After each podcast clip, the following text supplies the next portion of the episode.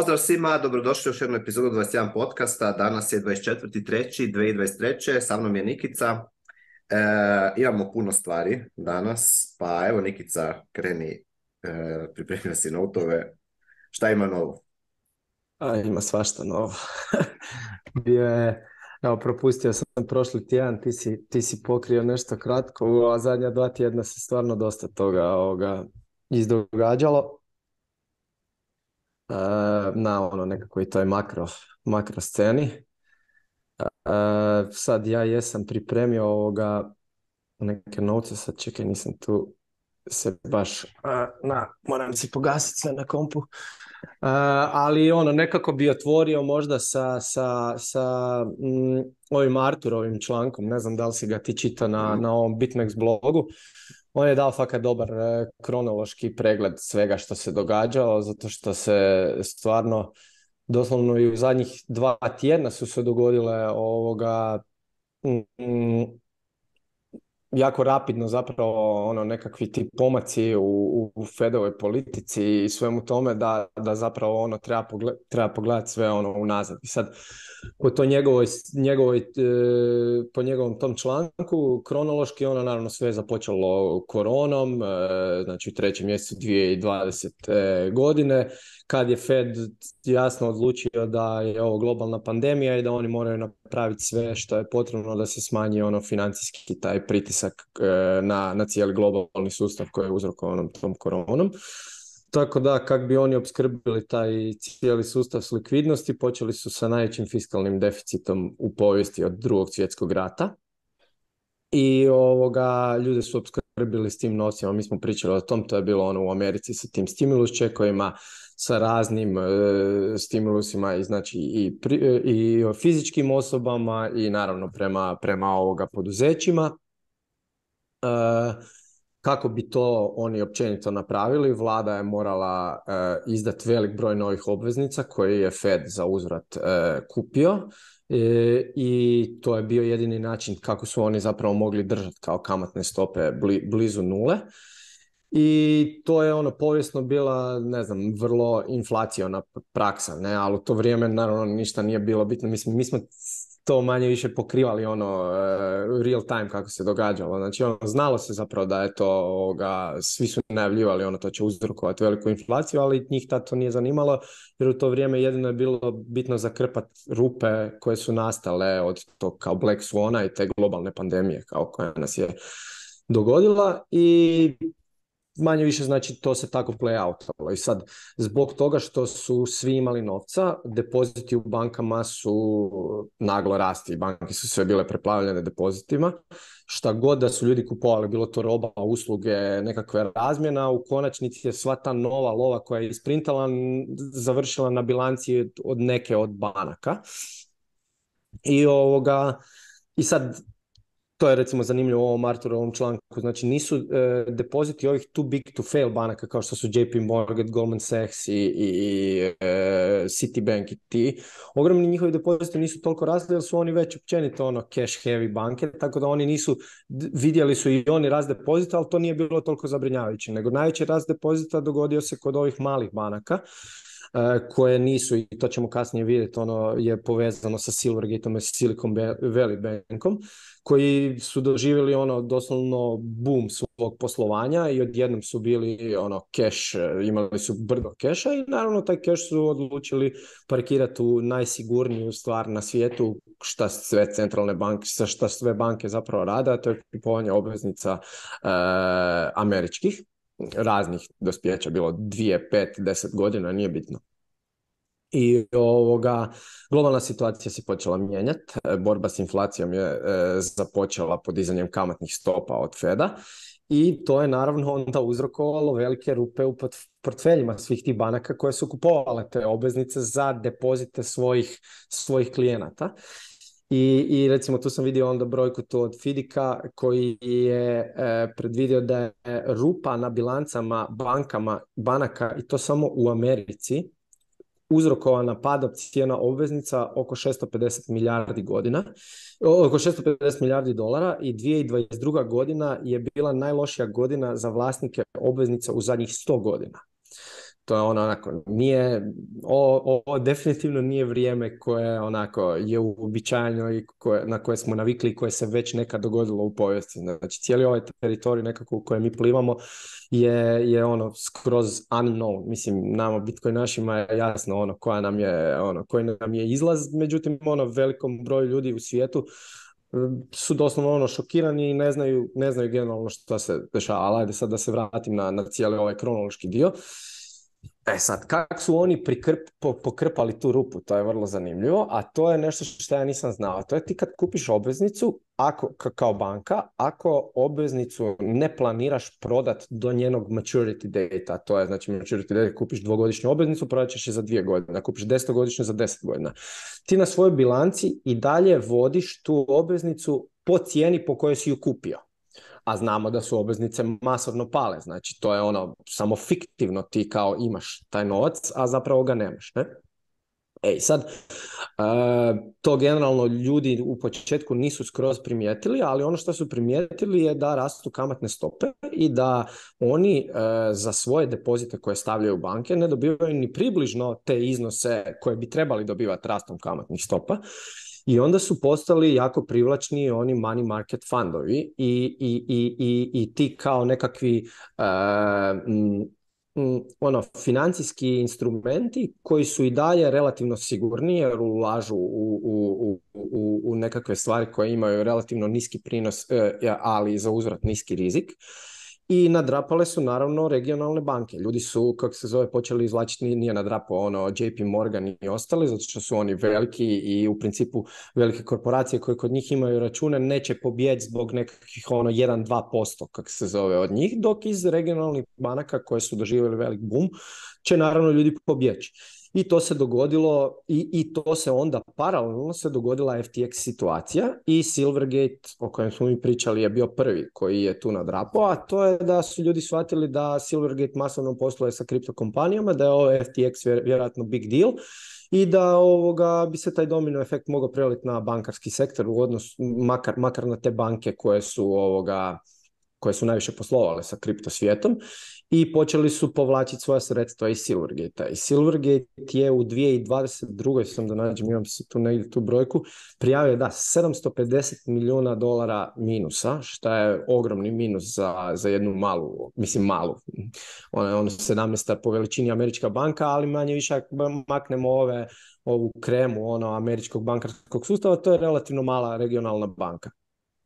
E, i, ovoga, mm, I onda naravno se to nastavilo sada u, u, kak se zove, u, dvije, i, u 2023. i, i e, market je agresivno počeo šortati Silvergate-ovu dionicu jer su smatrali da su Eh, ti depoziti koji su ljudi počeli izvlačiti, da su oni ostali zapravo bez keša i da će sad morati agresivno prodavati sve ove ostale esete koje imaju i smatrali su da zapravo te esete neće moći prodati po dovoljno, veliko, po dovoljno visokoj cijeni i da neće moći pokriti depozitore. Znači, I počeli su agresivno napadati u banku.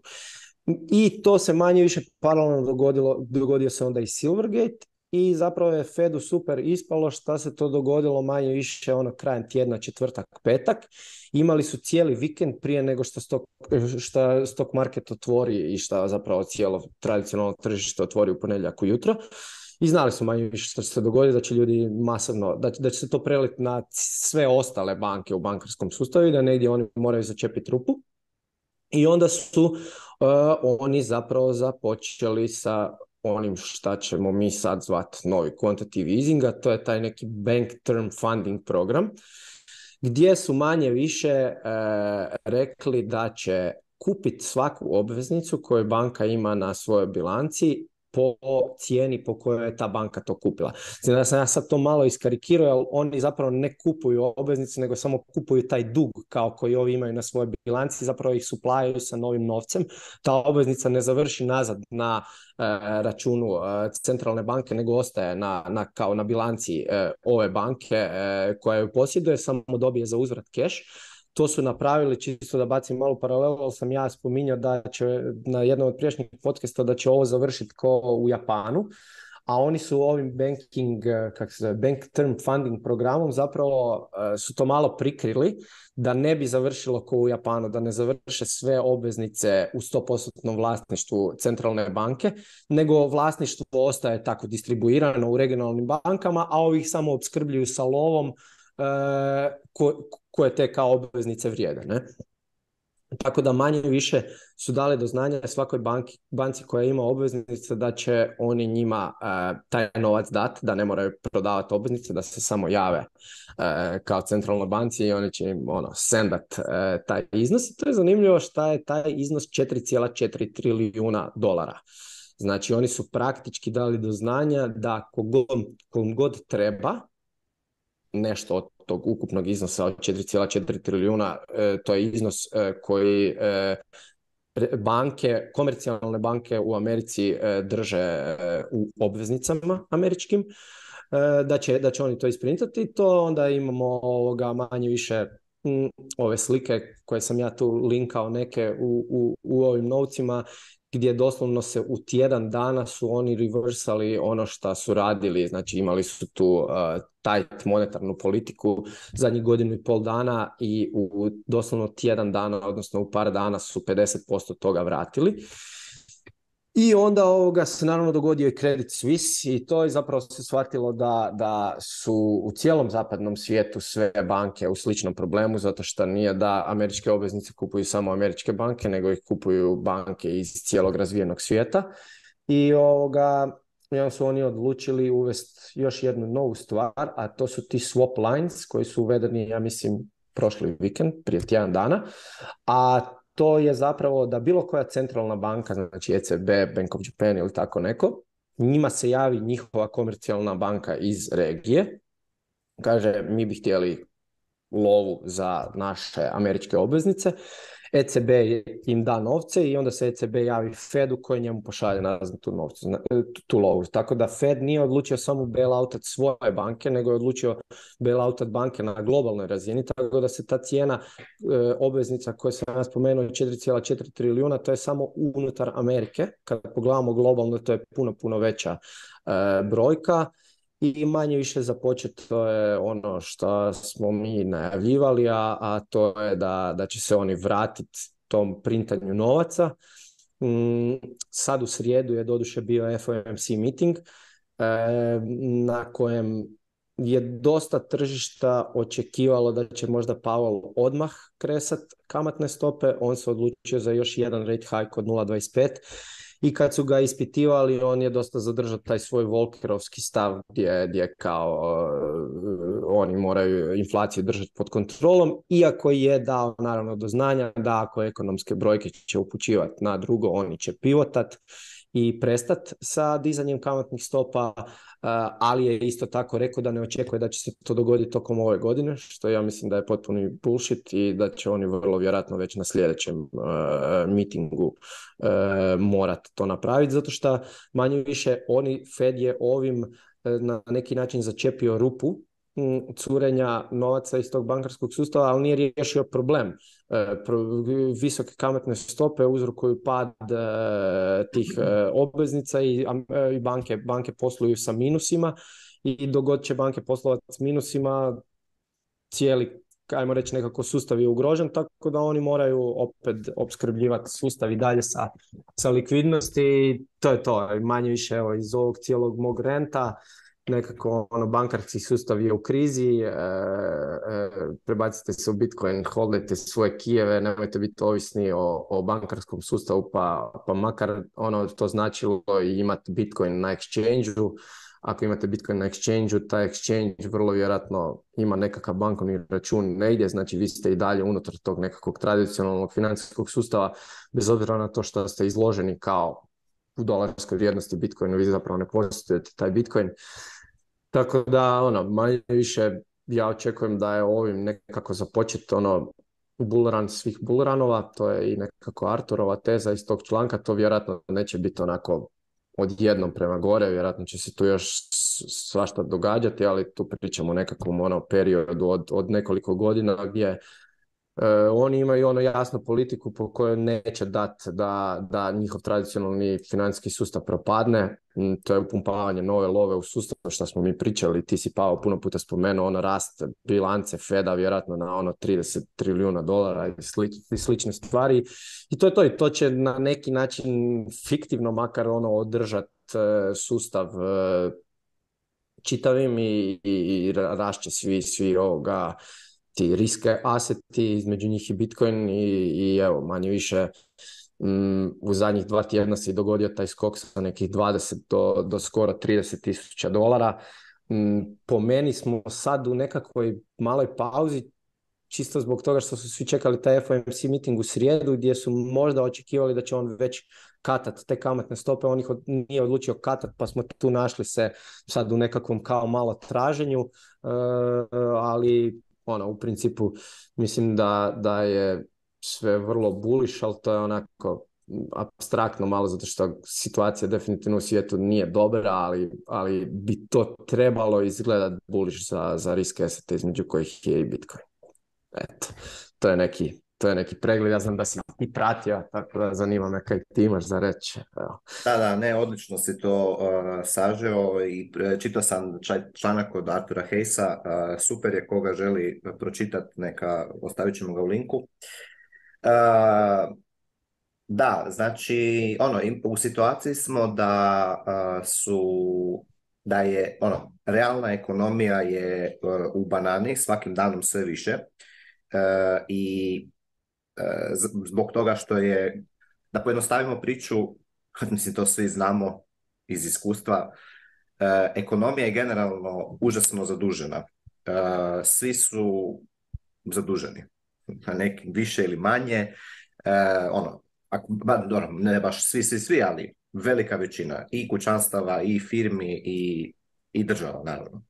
I, ovaj, I to onako, ajmo reći, kad uzmemo još onako full široki kontekst, ta zaduženost je produkt ono generalno fiat standarda, a ovaj a pogotovo uh, ajmo reći fiat uh, odnosno umjetnim spuštanjem kamatnih stopa, što znači zapravo pojeftinjavanjem duga koje je zapravo počelo uh, a od, ajmo reći od 71. recimo od, ono, od skidanja Amerike sa, sa zlatnog standarda pa na ovamo i praktički E, sve se ono, naravno kad se Amerika skinula sa zlatnog standarda u kompletu, formalno, jel, e, onda je uslijedila visoka inflacija, govorimo o inflaciji na consumer price index, znači sve je poskupilo, poskupili su energenti, poskupila je hrana i onda je pokrenu, ono je ponovno krenuo taj, e,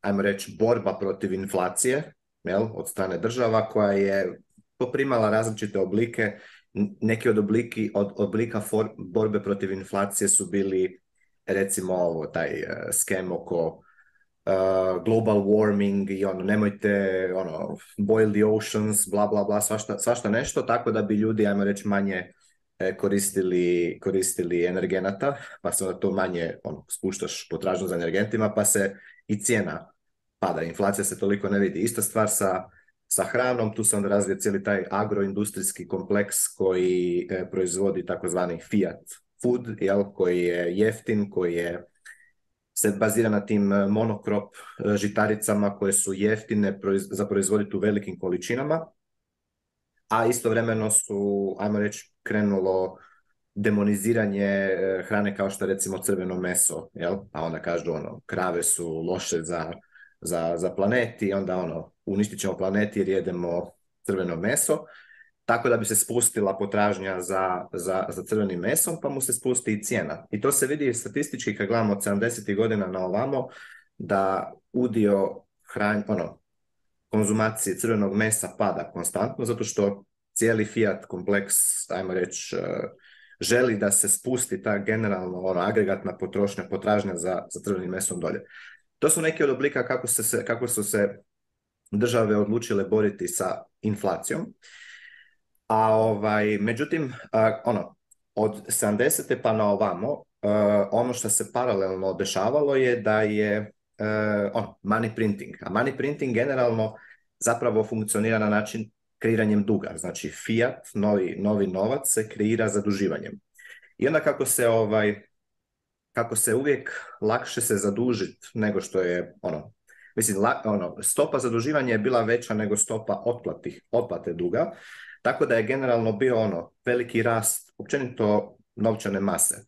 I ta inflacija, ono, odnosno rast novčane mase je ovaj je bio recimo oko 7-8% godišnje za najbolje, ajmo reći, za najbolje, ovaj, najstabilnije fiat valute kao što su američki dolar ili kao što je recimo švicarski franak i ne znam, britanska funta i tako.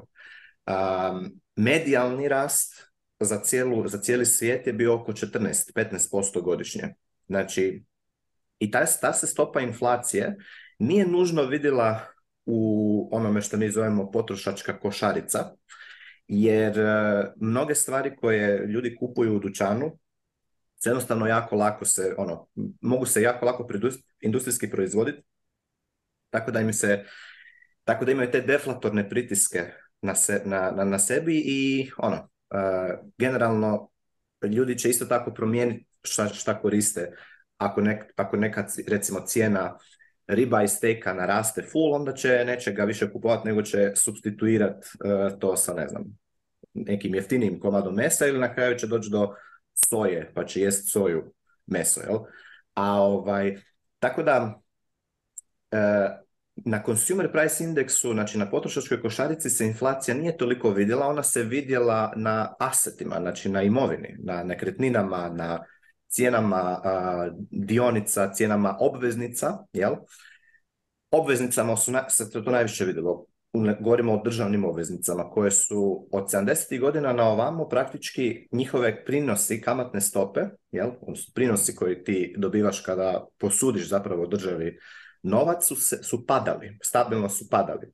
Znači te su se kamatne stope, odnosno prinosi padali, padali, padali i kako, kako kamatne stope, odnosno prinosi padaju, tako cijena dionica raste. Jel? Znači oni imaju tu inverznu korelaciju, što prinos ide dolje, to cijena E, samog vrijednostnog papira ide gore i obrnuto. Ako kamatna stopa raste, znači ona reprezentira rizik, jel? E, onda naravno vrijednost same dionice, e, same ovaj, obveznice pada.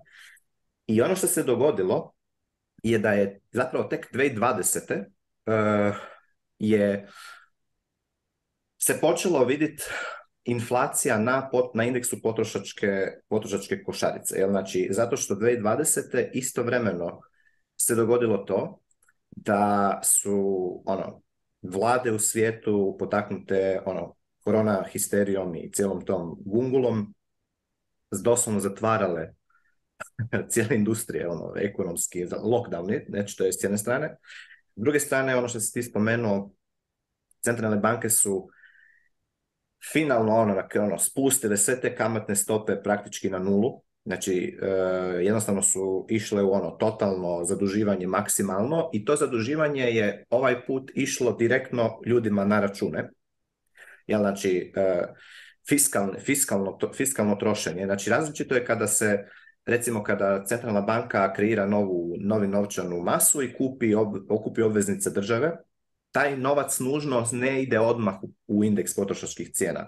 On će se manifestirati u recimo povećanju cijena nekretnina. Zašto? Zato što će država raditi, najčešće države vole raditi eh, nekakve te infrastrukturne ono, projekte, ceste, nekretnine, subvencije ovoga i onoga. I uglavnom taj nekretninski boom manifestirat će se odnosno no, kreacija nove monetarne baze će se, kreira, će se manifestirati u recimo porastu cijena nekretnina. Zato ljudi štede u nekretninama često pogotovo tu kod nas na, na, na, na Balkanu, gdje je, ajmo reći, financijska sofisticiranost niža, pa onda ljudi su jednostavno ono, štede u nekretninama. Ali šta hoću reći, znači, ono što se dogodilo 2020. je da istovremeno bio lockdown, istovremeno je bilo ono uvećana monetarna baza za ogromne, ogromne iznose, tipa 40% je Amerika samo uvećala eh, monetarnu bazu dolara u 2020. I, ovaj, I taj novac je išao direktno ljudima na račune, ovaj put, jel? I ovaj, ne samo na račune, nego je išao i u, i u financijska tržišta, likvidnost je bila ono užasno visoka. Međutim, naravno, to se onda manifestiralo u, u visokoj inflaciji i na indeksu potrošačkih cijena. Znači ono što se, što se dogodilo, jednostavno, lockdown je bio u, po cijelom svijetu, paralelno se printao novac, kreirao se novi novac, ljudi su taj novac, ono, nisu ga imali kamo, ajmo reći, potrošiti puno zbog lockdowna. Kad se 2021. počeo otvarati svijet, jer kad su se ono, došla su e, na cijepiva za, za koronu i tako dalje, onda se jednostavno počelo sve to vraćati natrag i zbog toga što su ti pokidani proizvodni dobavni lanci bili ono kao posljedica zatvaranja mnogih kompanija, svega po cijelom svijetu i lockdowna, sve se to, ajmo reći, sabilo u, u, i manifestiralo se u porastu cijena nafte, jel? porastu cijena energenata i e, hrane. I, to su ono zapravo bilo naj... Ono, to je bio ono, počeo je taj impakt, udarac na, na ljudi, ljudi su jednostavno počeli vidjeti da cijene su počele rasti u dućanima. Jel? To je bila zapravo to ono, naplata sa cijelog tog jednog perioda koji je bio prije. I ono što se naravno bankama događalo, odnosno što se dogodilo sa bankama, je to što se ti spomenuo, da. Kad su 2020. i 2021. bili ti stimulus čekovi, ili su tu recimo kod nas u Hrvatskoj su ono davali E, potpore da se ne izgube radna mjesta. Jer kad su napravili lockdown, onda su, ono, ljudi su, šta, šta ćemo sad raditi, ti si mi zatvorio kafić, kako ću ja raditi? Pa onda evo ti, evo ti, e, evo ti novce da ti ne, ne otpustiš radnike, nego ono, e, zadrži ih. Um, sve ti novci su završili na depozitima banaka. Mi svi znamo da ti kad držiš novce u fiatu ili na banci, ti ne dobivaš nikakvu, nikakav prinos na taj novac taj novac te, ono, možda ćeš dobiti prinos od, ne znam, 0,1% ono, godišnje, ako i toliko, niti štedni računi ne daju nikakve prinose, niti ništa drugo ne daju nikakve prinose.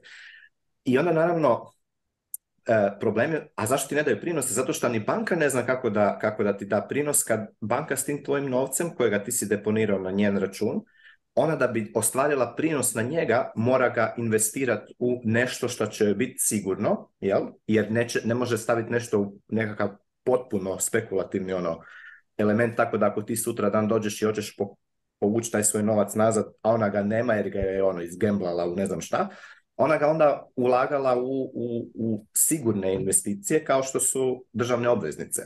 A državne obveznice zbog toga što je toliko novca bilo naprintano u periodu ono od 70. godina na ovamo su imale historijski niske kamatne stope i prinose, tipa, ne znam, koliko je bila recimo 10-godišnja obveznica američke, američke države možda bila oko 2,5-3%. Da, ti... vjerojatno, pogledat e, možemo to, možeš to provjeriti, ali tipa ti deponiraš kod banke, ne znam, milijun eura, a banka tih milijun eura, ono, kupi 10-godišnje američke obveznice u vrijednosti milijun eura, i na njih dobije možda 2% e, godišnje prinosa. Tako da i, i to se njoj, ajmo reći, splatilo donekle, Međutim, onda kad, se, kad, se, kad je inflacija, ova pra, reći, inflacija na potrošačkoj košarici udarila u, u, po cijelom svijetu, u, ajmo reći, već na proljeće 2021. se to počelo vidjeti. Zato ja mislim da je recimo Bitcoin kao ono spearhead koji je vidio, koji ono nanjuši tu, tu, tu promjenu u, u, u, financijskim, u financijskoj situaciji na cijelom svijetu prvi, ja mislim da je pravi zapravo break, odnosno početak bear marketa bio ono 2021. kad smo, kad je ono crash, kad smo mi, mi smo mislili da je taj zapravo bear market počeo zbog ina Kina, Kine, Kineza koji su banali mining. Međutim, to je, to je, ja mislim, više je tamo bio jedan još narativ koji je tada bio, ajmo reći, logičan ovako sada u retrospektivi, vjerojatnije je da je zapravo ono, likvidnost počela bježati van jer se već vidjelo tada da, da, da će Fed morat početi zaustavljati uh, e, ono, inflaciju dizanjem kamatnih stopa. Što se što je Fed zapravo i ne odmah tad, tad je još govorio da je inflacija tranzitorna. Jel da, da tad su najavili, da. Tad su najavili, ali su recimo već krajem 2021. godine mhm. je Fed rekao, e, e, mislim da ćemo ono, morat ćemo početi dizati kamatne stope. I 2022. su počeli dizat kamatne stope. Ono što su banke, banke su vjerovale Fedu kroz 2021. godinu da ono, prastar Fed je rekao inflacija je tranzitorna, inflacija će proći, to je samo bilo ono, zbog toga što smo bili su lockdowni, pa supply chains, to će se sve kad se stabilizira nazad, kad se ekonomija vrati natrag u pogon, onda će to sve će to proći. Međutim, to nije tako se naravno ostvarilo jer ekonomija nije e, ono e, light switch, ne možeš ti upaliti, ugasiti tvornicu nečega i to je to. I držati zatvorenom tri mjeseca i misliš da ćeš još sad upaliti nazad i da će se to sve vratiti kao što je bilo prije. To su, mislim, ali dobro. Uglavnom, na zimu 2021. Fed je najavio da će početi izad kamatne stope. Banke su, risk menadžeri u, u svim bankama po svijetu su ono, računali, ok, dignut će kamatne stope ali ono, dignut će možda 1%, 2% kroz neko normalnije, dulje vrijeme, gledajući historijski kako, su, e, kako je Fed kad bi ušao u quantitative tightening, dizanje kamatnih stopa, to bi bilo uglavnom ajmo reći sporo, onako pomalo, nemojte ono, ono ti, ti, ti čim digneš kamatne stope, znači cijena, cijena zaduživanja poraste, znači sva ona, sve one vrijednostni papiri koji su bili E, koji su izdani po, po nižim kamatnim stopama odjednom padaju u, u svojoj vrijednosti. Ono što su banke napravile e, u 2020. i 2021. kad su, kad su ti svi silni stimulusi e, bili, bili izdani, kao što se ti spomenuo, oni su, ljudi su polagali te novce na banke Banke su kupovale državne obveznice i ove mortgage backed securities, znači one vrijednostne papire koje imaju u podlozi e, stambene kredite. I, a pogotovo za US Treasury su recimo računali, ok, to, će, vrijediti, ok, jesu niske kamatne stope, ali Fed će možda dignuti 1% kamatne stope gore i bit će sve ok. Imamo toliko lufta. Međutim, Fed je dignuo kamatne stope ono, najbrže ikad u povijesti od kad Fed postoji do razina koje su ono neverovatne Sad je kamatna, onaj Fed funds rate je 5%. I ono što se dogodilo je da istovremeno se desilo to da su vrijednosne papiri, znači državne obveznice koje su banke imale u svojim portfeljima, koje su kupovale zato što su imale influx ogromni depozita, su pale u vrijednosti za 20, 30, 40%, zavisi, posto zavisi koja im je ročnost. Znači, recimo, eh, vrijednost dvogodišnje, e, dvogodišnje državne obveznice neće toliko jako past kad se promijeni recimo sa 1, sa, sa 1% na 2% kamatna stopa, kao što će recimo past vrijednost 30 e, godišnje obveznice ili 10 godišnje, znači što je duža ročnost, to je jače, jače pada vrijednost taj, ta promjena u jednom postotku e, kamatne stope. I, ovaj, I uglavnom kad, kad ti uzmeš taj, ajmo reći, taj blended rate, znači prosječnu, prosječni, prosječnu kamatnu stopu na tih više obveznica koje su banke imale, jednostavno su one imale velike gubitke, nerealizirane gubitke, ajmo reći gubitke na papiru. To je ono, ko kad ti kupiš Bitcoin, bio je Bitcoin, ne znam, 60.000 tisuća dolara i Bitcoin padne na 40.000 tisuća dolara i ti imaš gubitak na papiru, ti ćeš njega realizirati tega ako opet prodaš Bitcoin nazad u, u dolar.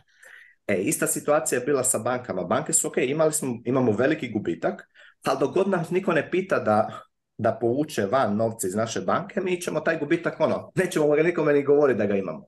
Jer ga po zakonu ni ne moramo knjižiti kao gubitak. Zato to je ono, jedan od silnih tih eh, ovih računovodstvenih trikova kako da banke ne moraju nužno pokazivati mark to market svoj, svoj portfelj, nego mogu jednostavno reći, ok, pa mi smo kupili po, ne znam, 100, to što je sad to na tržištu vrijedno 70, a mi to računamo kao da je to vrijedno 100, jer ovako nakon nećemo to prodati do dospjeća. Jel? Nama je u planu to držati do dospjeća i nama će to kada, da, kada dospije ta obveznica, nama će ta država vratiti glavnicu i vraćat će nam kamatu do tada, ali to što je sad u ovom trenutku to palo, to ok, to ne moramo mi, ne morate se brinuti za to. Međutim, kad, ti, kad banka ima toliko zahtjeva da se izvade novci van, a zašto je bilo toliko zahtjeva da se izvadi novce van?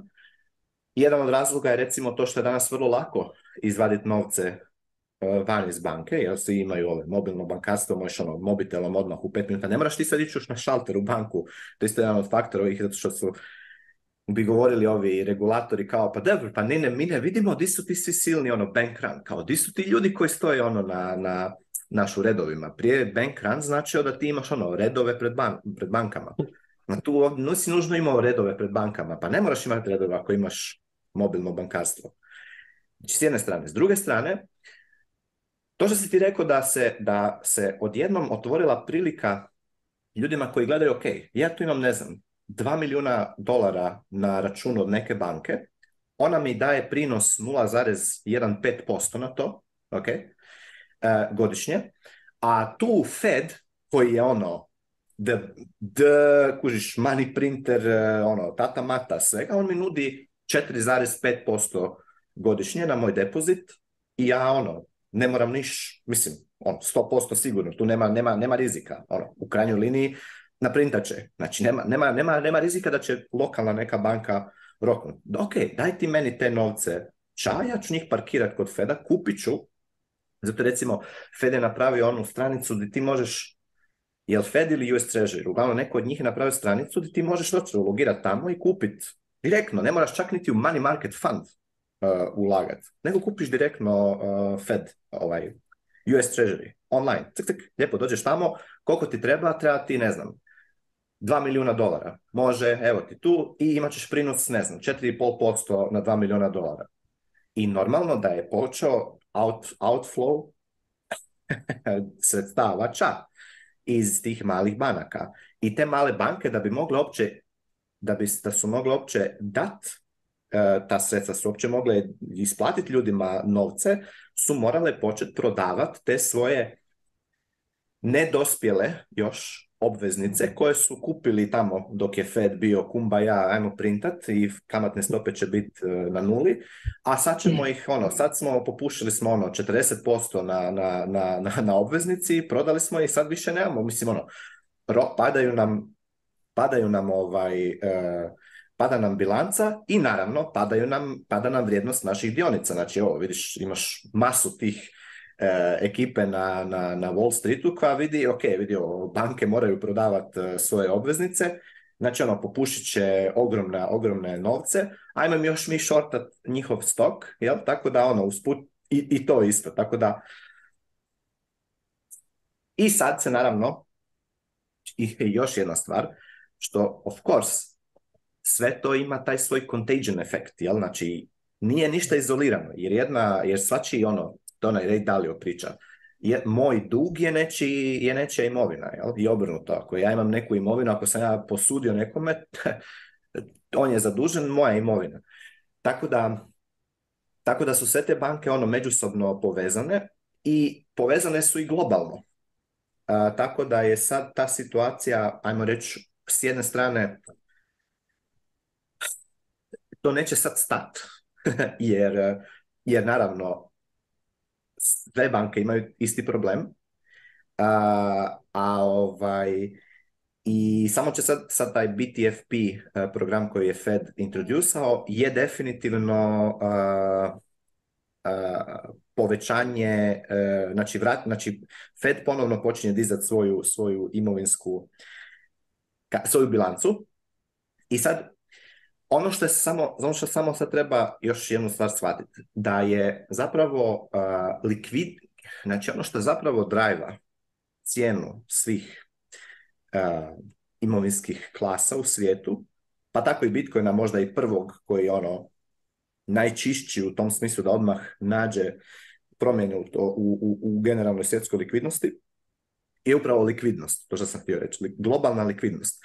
Međutim, globalna likvidnost je bila je kontrahirana, počela je kontrahirat, sredinom 2021.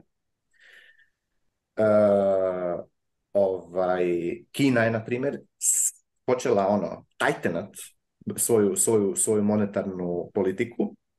Fed je počeo tajtenat isto, 2022. na početku godine i likvidnost je padala kroz cijelu 2022. godinu. Međutim, infleksija, point infleksije kada se likvidnost počela oporavljati dizat ponovno je zapravo bio 10. mjesec 2022. godine kada je bio onaj, onaj moment kada je gilt market u, u uk kada je to se urokalo, to smo mi ono, uh, mi smo to ono e, pokrili i zapravo Od, tada, od tada se globalni globalni liquidity index, imam ga ovdje na čartu jedno, inače ovo je super stvar za poslušat na Bitcoin Layer YouTube channelu intervju sa mhm. Michael Howell, se zove taj lik.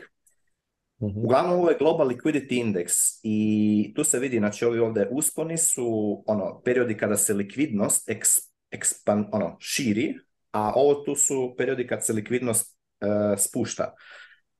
Znači likvidnost slijedi e, uvećanje monetarne baze. Znači ideš prvo uvećanje monetarne baze, onda se ide likvidnost. Jer kada ti imaš e, Znači, još samo jedna stvar šta drajva likvidnost, sad je to recimo možda pretehnički za, za spomenut, ali ajmo staviti tu pa čisto da, da ljudi imaju i taj, eh, i taj kontekst. Znači, ono što zapravo ehm, je tu sad trenutno kriza, nije kriza nužno eh, kamatnih stopa, nego je kriza volatilnosti u, u u ovim, u, u bond marketu konkretno, u government bond marketu.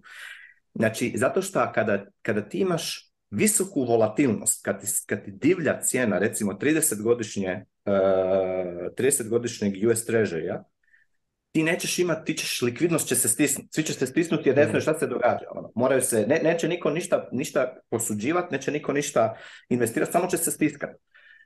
Znači, kad, kad, i zato Fed mora nastupiti. Fed sa ovim što sada radi, on spušta volatilnost, on želi, on želi stabilizirat te promjene, fluktuacije u, u, u, u cijeni državnih, državnih obveznica, zato što kad se one stabiliziraju, onda njihov multiplier likvidnosti koja se može iz njih izvest van, jer ti zapravo stvaraš, zamišljaš novu likvidnost koja ti je kolateralizirana sa tom obveznicom koju, si, koju držiš. Kad ti vrijednost obveznice se stabilizira i kada se ona, ona može padat pomalo, ali bitno je da pada polagano, ne da počne divljat full, visoko, onda se može likvidnost povećavati. I to se tu, mm. jel, ovo ovdje je uh, deseti mjesec eh, mislim ja sad updatean ovaj, ovaj tu eh, liquidity index, ali tu se počeo vraćati nazad. I zapravo, ono, globalna likvidnost je sada u porastu. Već je u porastu još, od, kažem, od mjeseca, ali eh, kad se ovaj, kad se, kako, ta likvidnost bude i dalje rasla i rasla rasla, tako će ovi risk aseti uh, eh, pumpat. I mhm. ja sam sve više, više i više vidim da ove godine istovremeno, to onaj argument od ovoga David Huntera, što ga volim spominjati, znači istovremeno će pumpat uh, S&P 500, naravno i Bitcoin i, i sve će ono ići gore, jer likvidnost raste, jer realno i ovo što je Fed sada počeo raditi prije dva tjedna je ono, ne podiže likvidnost odmah direktno, ali definitivno ali stabilizira, da. stabilizira, stabilizira volatilnost, e, jer ono, pokazuje, pokazuje, pokazuje tržištima da je Fed ipak je tu i on će ipak spašavati. I sad se već sve više i više će se implicirati da Fed će tu biti, jer ako banka mora roknut, neće banka roknut, banka će samo te svoje obveznice koje, koje drži će zamijeniti kod Feda za, za, za, za dolare i ono, to je to. Jest da je taj BTFP, to je kao jedan, jednu godinu ima, to je kao loan. Da, da, ali šta će napraviti, samo će produžiti. A šta će napraviti, da, vrlo vjerojatno će samo produ, ono, reprogramirati, kao što je uvijek, ono, digneš kredit na godinu dana, ok, onda prođe godinu dana, daj mi još jedan na dve i tako dalje. I da, to si dobro spomenuo, ja sve to skupa će biti jako, jako, ovaj, s jedne strane inflatorno, s druge strane Eh, banke će biti sve više će se mergeat sa, sa državom na neki način, državama po svijetu i, ovaj, i tu će se onda sve više, sve jasnije, po meni će biti sve jasnije i jasnije da ono imaš taj fiat koji je sada mm. inflator, ljudi su prije prije ove tu, prije 2020. I definitivno sad u ovom periodu kako, kako vrijeme još odmiče dalje. Ljudi su na neki način, lakše im je bilo mazati oči. Da ne vi... Ok, da. pa dobro, inflacija, pa da, je inflacija. E, ja se sjećam prije 20 godina ono kuglicu da platio, ne znam, 3 kune, a sad je plaćam 12. A dobro, to je šta, to je kuglica da uopće ne skužiš. Ali, e, kako ljudi ne vide ono, recimo koliko su cijene nekretnina rasle u zadnjih 20 godina, jel? Zato što ono, svi gledaju tu onu plastičnu matematiku, pa dobro, koje je ovako, onako, niko, svi dižemo kredite za nekretnine, pa ono, plaćat ću, ne znam, 300 eura mjesečno, 400 eura mjesečno ratu kredita, pa to nije tako puno. Nije tako da, kao rastu i plaće, rastu i plaće. Da, pa rastu i plaće, pa te, te, te, Ali sada, sada će se vidjeti ono, moja, moja prosudba je da sad ćeš ti vidjeti na consumer price indeksu rast, jel?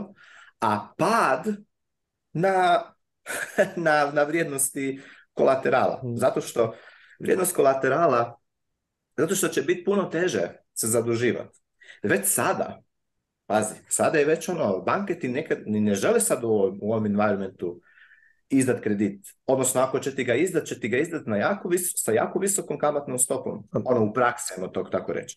Tako da, a šta se događa kad kamatne stope, recimo na stambene kredite, hup, idu gore, jer je mhm. rizik veći, jer je cijela ono situacija uncertain, a vrijednost nekretnina ide dolje. I to je tek, treba vidjeti manifestaciju toga, jer još nemojmo jednu stvar zaboraviti. Znači, sad će biti buliš u risk assetima i tako dalje, ali paralelno ekonomija tenka dolje još uvijek nismo, još uvijek se nije manifestirao recimo cijeli taj commercial real estate tržište i gubici koji su, koji su tamo još neostvareni. Znači, samo zamislimo jednu, jednu činjenicu, a da je to da je do 2020. godine, do lockdown perioda, bilo je normalno da ti ideš ono, raditi pet dana u tjednu u ured. ne, negdje ono, mnogi ti ono, office workers su radili u, ono, ideš, digneš se jutro, ideš Bučeš se, voziš se, ideš u uredi, vraćaš se pas kasnije, 5-6 popodne natrag doma i tako pet dana u tjednu. Danas, pol ljudi više ne radi na taj način. Radi ili od doma, ili radi, ako, i, ako se se vratili u urede, vratili su se možda 2-3 dana nazad u ured. Četiri. Ne cijeli tjedan. E, I zbog toga su se i zapravo potražnja i, i uporaba commercial real estate, znači komercijalne, komercijalnih nekretnina je ono, pala. Mislim, to, su, to, je, to, je, to, je, činjenica za sve velike gradove po cijelom svijetu i taj cijeli sektor, by the way, on utječe i na, na, na, na, banke. Jer sad je trenutno Fed ponudio ovaj BTFP program američkim bankama, a eligible su, i mhm. naravno US Treasuries, i mortgage backed securities. Ali šta je sa commercial real estate? Znači, negdje sam vidio podatak da je tipa američki te small and regional banks drže 70% kredita za commercial real estate. Znači, oni su mm. najveći kreditori eh, ovih. Idemo raditi office building, idemo raditi shopping mm. mall, idemo raditi ne znam šta god.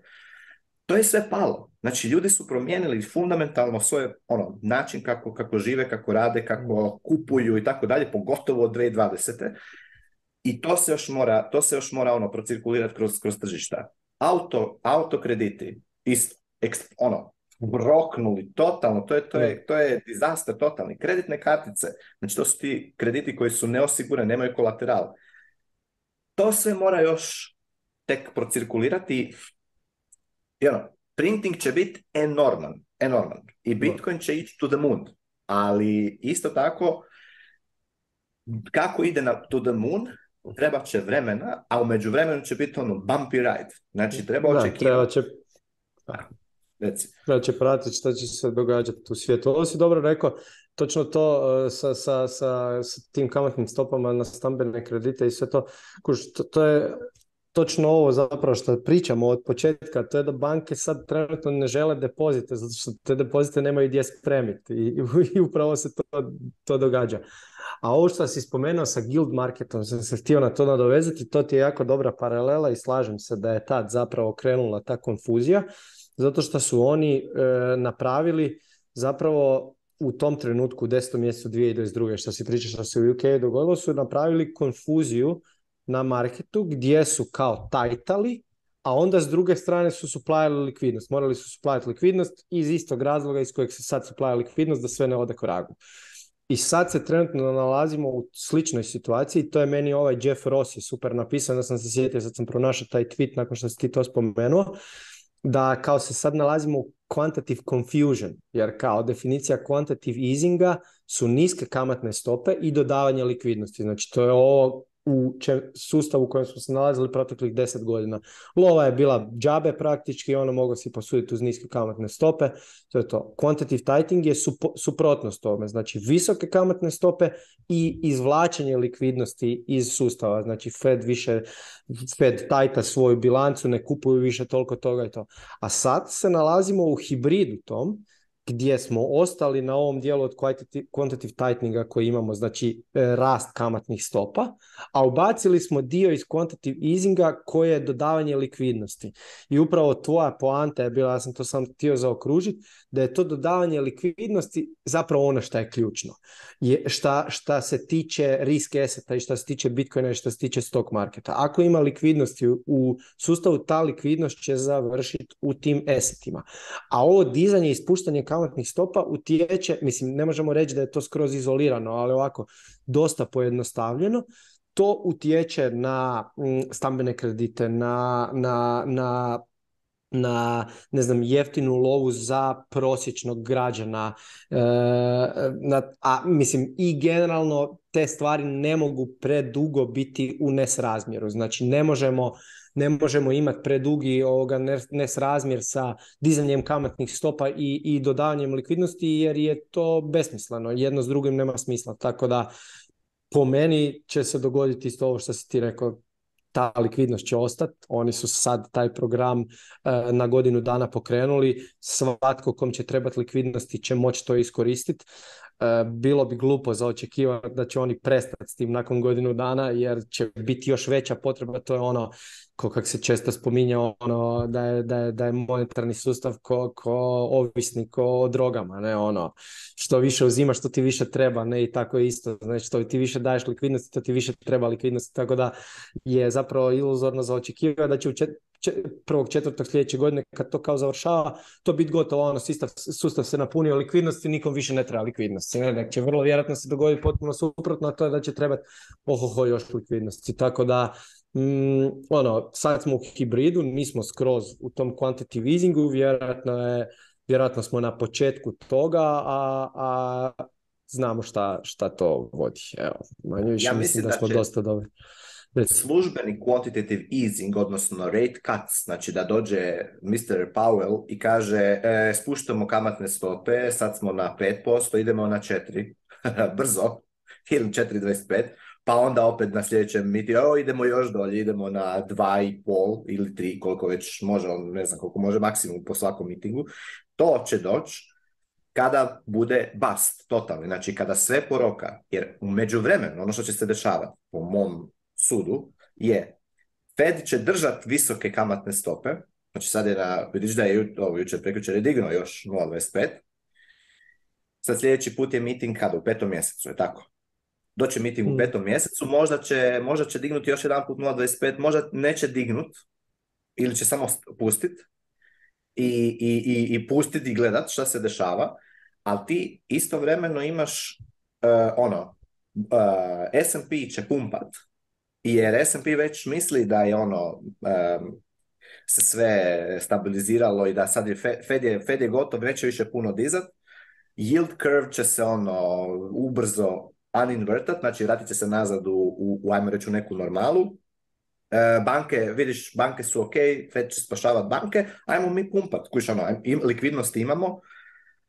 E, i, i, i, i, ono što je najluđe što bi se moglo dogoditi je tipa, da Fed, Mr. J. Powell, kaže, dođe sad recimo ljeto, ovi, ono, idemo, ohoho, all in, kužiš, e, sve pumpa, Bitcoin ide na ono, all time high, te teoretski, i da on kaže, dakle, um, nije ovo dobro, kuš too much risk taking, bla bla bla, ne, idemo mi još malo dignuti kamatne stope. Da još malo to, ono, ne može si, ono, mi, ne, E, jel? Znači, to bi se moglo dogoditi da, da, da, da jednostavno e, paralelno kako, kako budu rokale, rokale ono, realna ekonomija, jel? Ovo, financijska tržišta pumpaju i to daje to bi moglo dati signal e, Mr. Powellu da hoće još dizati kamatne stope. Ili recimo da se dogodi još nekakav bilo kakav ono, ne znam, uh, šta god se može dogoditi sa ovaj, u ovom ratu sa Ukrajinom i ono, Rusija i to, da dođe još jedan tako inflatorni šok recimo na, na, na, na naftu i to, i onda da on kaže, gle, moramo još, moramo još jel? Ali kad se, kad, kad rokne sve, u smislu ono, ono što bi ovaj rekao, 80% sve down, jel? Tad dolazi e, quantitative easing. Tad dolazi ono bazuka, spuštanje kamatnih stopa, a ovo je sad ne, e, ne, ne, mi smo tight, tight, idemo, još uvijek smo tight, dižemo, digli su kamatne stope prekjučer, jel, Fed funds rate, ali u pozadini, ono, naš, iza, iza, iza leđa, e, e, dođite banke, ono, ako imate problema, ono, rokli su vam vaše, ono, državne obveznice, daćemo vam mi dolare za njih, nema veze što su one pale 40%, mi ćemo ih uzeti, mi ćemo ih ono value at par, jel, znači ono, kao da, kao da daćemo vam onoliko koliko ste vi za njih platili i ono, to, to zapravo kupuje vrijeme dok se još a, na van se pokazuje kao ono, borimo se još uvijek sa inflacijom. Jer inflacija je sticky, ova, taj core, taj core, kako se to zove, core PCI, e, šta ga, šta ga mhm. ovaj, E, ne ide to, ne ide to sada dolje, ne ide tako lako dolje, jel? Doći će deflatorni pritisci na tu inflaciju. Uh, tipa, evo, sad recimo, baš sam gledao sad zadnjih tjedan dana, ono, te chat GPT, te AI nove, to je eksplodiralo, samo za njih par mjeseci, mjesec dana zadnjih i ono, znaš će rovat što to, šta to može napraviti, kojiš doslovno, ja prekjučer ono pišem, kojiš sa chat GPT-em, Mislim, to je nevjerovatno koliko ti možeš, koliko tebi to digne produktivnost ukoliko, ono, a, a vrlo jednostavno intuitivno koristiti kao da praktički ono, googlaš nešto, ali isto kao da se ono razgovaraš s nekim. Ono. Kao da razgovaraš s nekim, ali ti on može napraviti, tipa možeš, može ti napraviti cijelu, ne znam, stranicu internet, napiši ti kod, cijeli HTML, CSS, šta god hoćeš, može ti ono, napisat e, newsletter, možete ti napisat blog post, knjigu možeš napisati, sad mogu, možeš napraviti ono, e, fotografiju, možeš napraviti grafiku, možeš napraviti video još malo, animaciju. Čuda možeš napraviti s tim, brzo i, i, i ono, widely distributed i to je strašno visoko, ono, to je deflatorno u smislu da ti sada sve ti, svi ti knowledge workers, masa njih koja je, ajmo reći, skup radima, mnogi od njih, to jest mnogi od njih, njihov rad neće više biti toliko skup, nego će imati ono, istovremeno po meni će se dešavati da će oni koji, koji full dobro rade, koji su full ono, su, koji mogu koristiti te, te, nove tehnologije za podignuti produktivnost, oni će imati još veće prihode, a mm. većina će imati ono, manje, to je deflatorni pritisak. Ali to još ipak, ne znam ja baš da će to tako brzo. Da, možda ja vidjeti koliko će trebati a pa mislim, to je ona teza zapravo cijela, ono, Jeff But, on je to popularizirao, ono Price of Tomorrow, da je cijela tehnologija u principu deflatorna. Ovo što ti sad pričaš je, su zapravo neki ono rapidni napreci u tehnologiji koje su vidljivi sad u zadnji, doslovno ono u zadnjih dva, tri tjedna. Ne? Ja sam isto tako. Tako je, da. Mislim, nevjerovatno, kažem, ja sam baš ono, baš sam bio iznenađen koliko je to, ovaj... Mislim, igrao sam se ja prije ono malo gledao te se, šta se događa, ali nije ništa bilo baš toliko je interesantno, ali ne ono full revolutionary, ono revolucionarno. Ovo je dosta, dosta velika stvar kuš. Mislim, ono, ako ja doslovno u, jedni, u, 20 minuta mogu ono napraviti e, 30 stranica teksta koherentnoga, ono, gdje je mm. ono 95% reflektira ono što sam zapravo htio ja sam tako e, napisat. je, to je, mislim, to je čudo, se To bi biti inače trebalo koliko?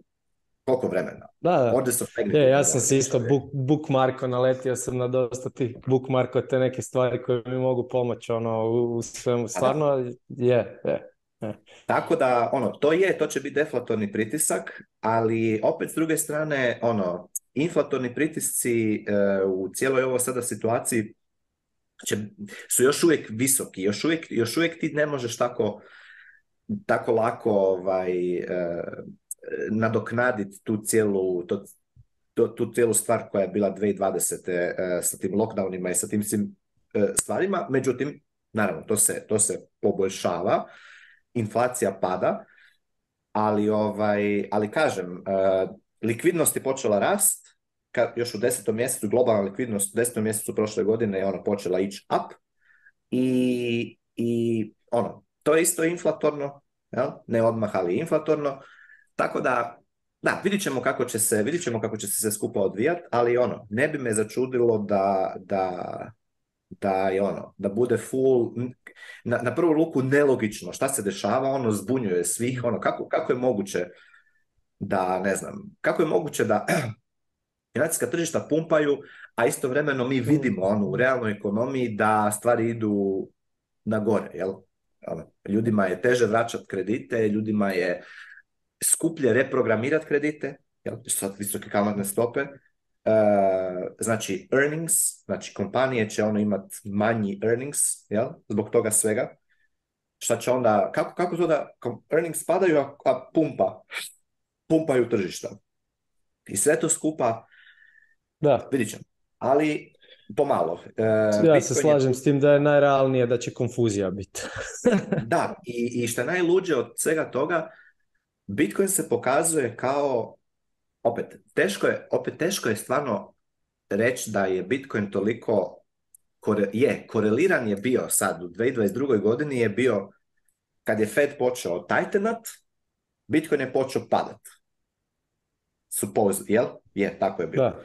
Pa onda u desetom mjesecu je bio bottom, FTX je bio. Mada mi smo, mi, ja sam mislio recimo da je bottom već bio u, u šest, sedmo, šestom, sedmom mjesecu, Eh, kad je ono pao ispod eh, damo na 19 20.000 dolara, tako negdje je pao. Mm. Jer tada niko, mislim, ja nisam iz, ono, FTX, ko FTX, slakao da je ono legit, mislim, normalno.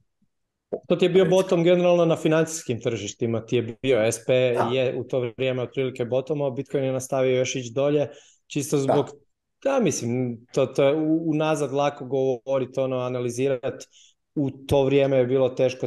Ono, to ti je sve ono, da li market smatrao da je to i dalje rizično, očekivao se neki domino efekt e, od ovog, bla, bla, bla, ali je, u, u ovo što pričaš, ja se slažem. Koliko je, koliko je rezilijent i koliko je Bitcoin zapravo, koliko ima tu svoju bazu holdera koji su, koji, ono, unfazed su.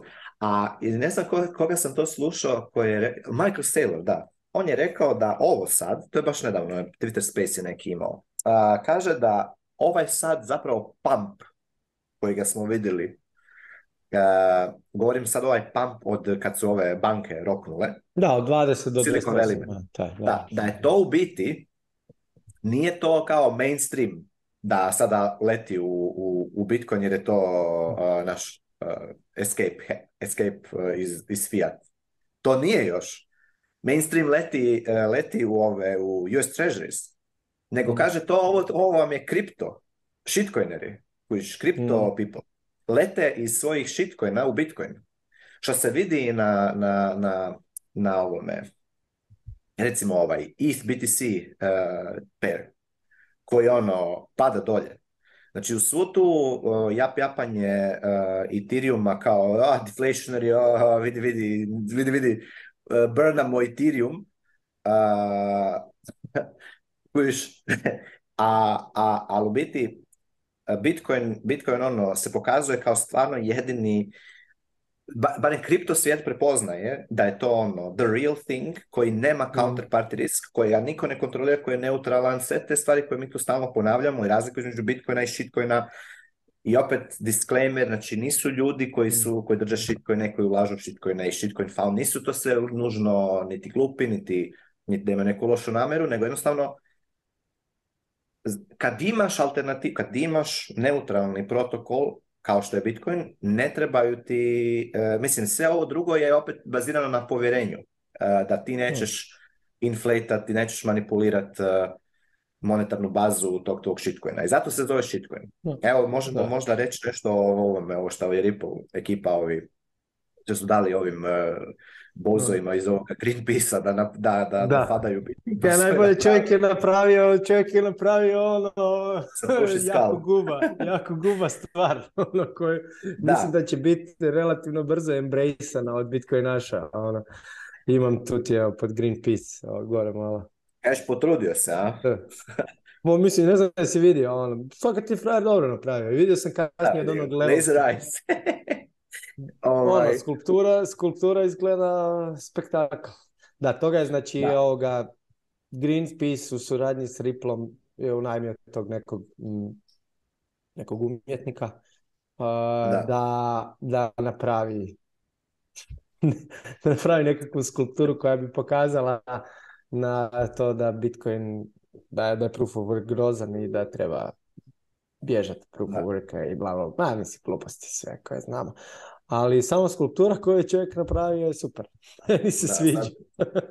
Sad, ovi neki, neki bitcoineri hoće kupit e, ovaj, tu skulpturu, već je krenula aukcija kao jedan je da, evo, da ću jedan BTC, onda je ovaj drugi tri BTC-a i ono, hoće, hoće, znaš, je sad e, Kula, A ova koji ova propaganda od, od, od, od Greenpeace-a i taj cijeli ta Fiat uh, Fuels eh, histerija i to sve skupa, to je ono, to, to kažem, to je već traje od, uh, ono što sam na početku pričao, od 70. godina na ovamo, taj kao nemojte ljudi fossil fuels bad, red meat bad, jer kuješ ti ako koristiš fossil fuels i red meat, onda naravno doprinosiš CPI inflaciji i to poprilično, onda ne možeš, eh, normalno, eh, jazavci ne mogu perpetuirati svoj inflatorni skem.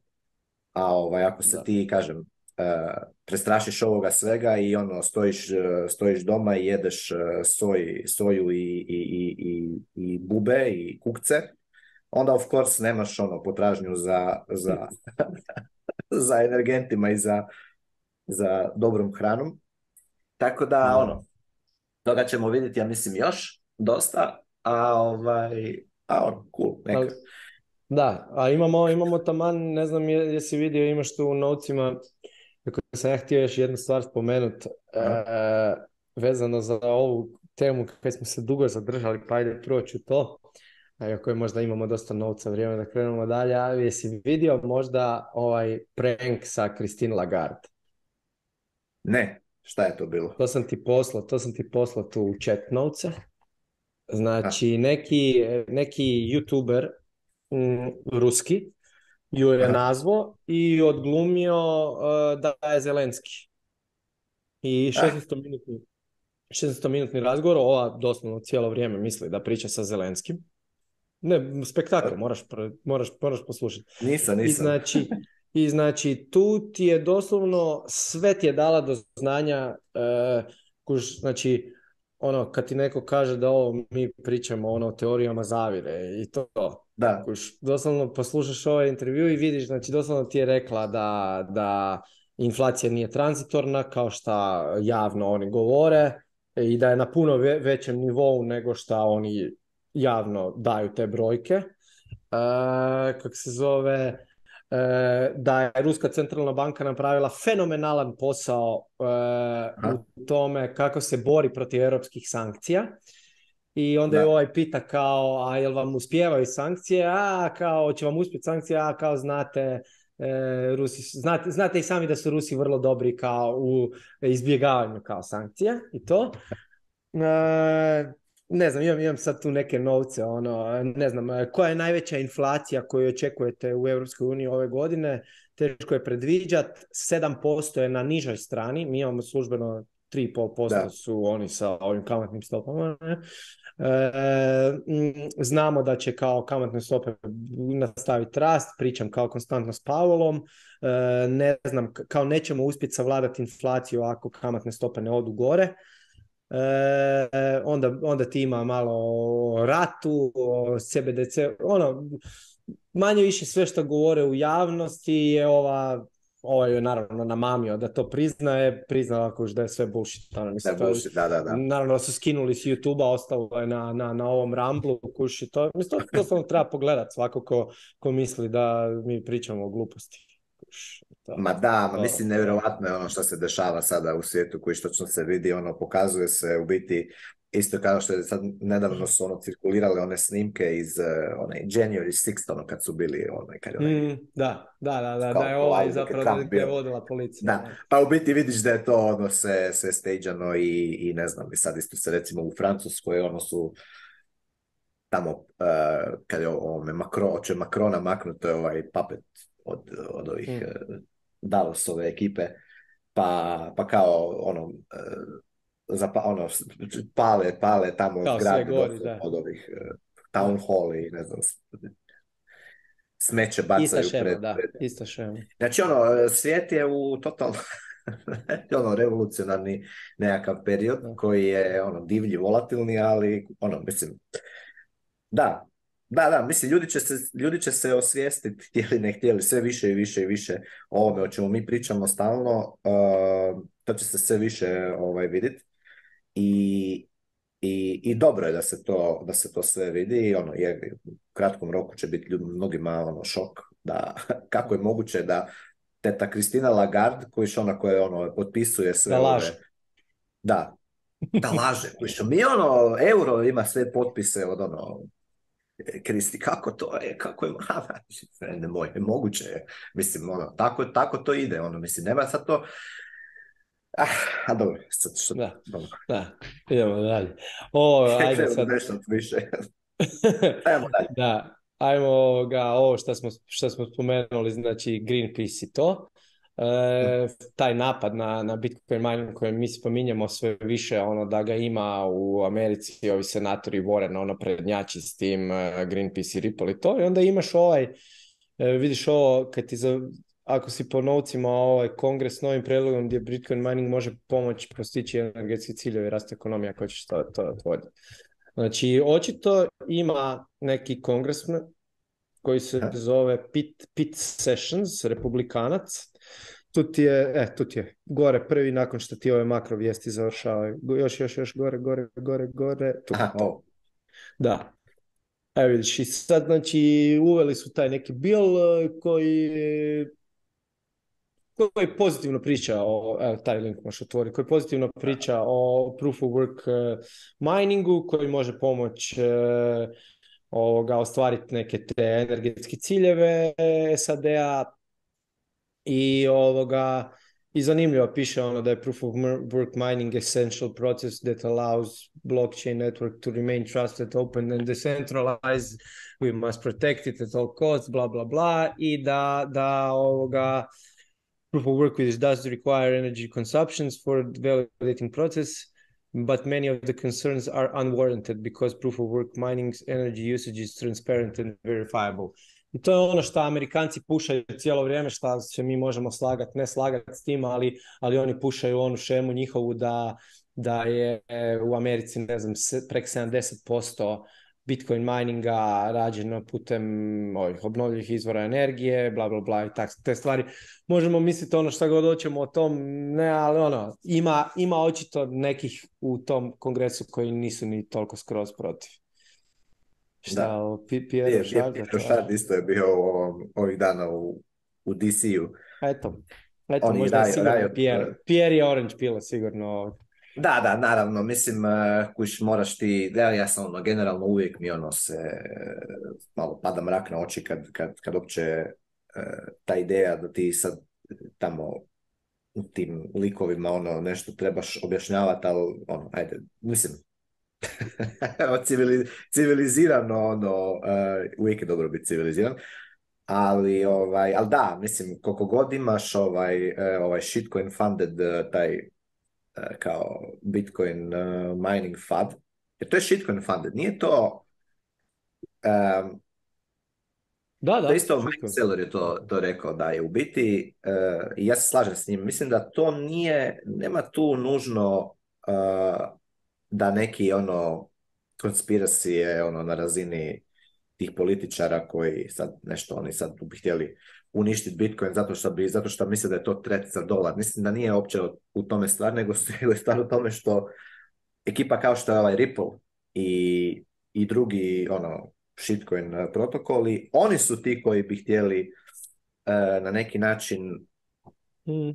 I koriste svoj novac i svoj utjecaj da, da na te ljude koji ne znaju puno o tome jer se bave normalnim poslom. Pa mislim, to je ono ko cilj našeg podcasta je ono educirati ljude o Bitcoinu. Ono. to je to, da. mislim, i dalje ti imaš ono relativno mlade ljude i to koji nemaju pojma o Bitcoinu, zato što jednostavno se nisu interesirali. Da, ćeš ti nekog 50-60 godišnjaka koji tamo sjedi i po cijele dane se bavi tim ono, slobistima se bla bla bla i to ono, ti dođe ono Ripple da 10 milijuna dolara nekom, da ode tamo njima dva tjedna ono kenjati i onda svi oni imaju isto mišljenje o tom. Ne?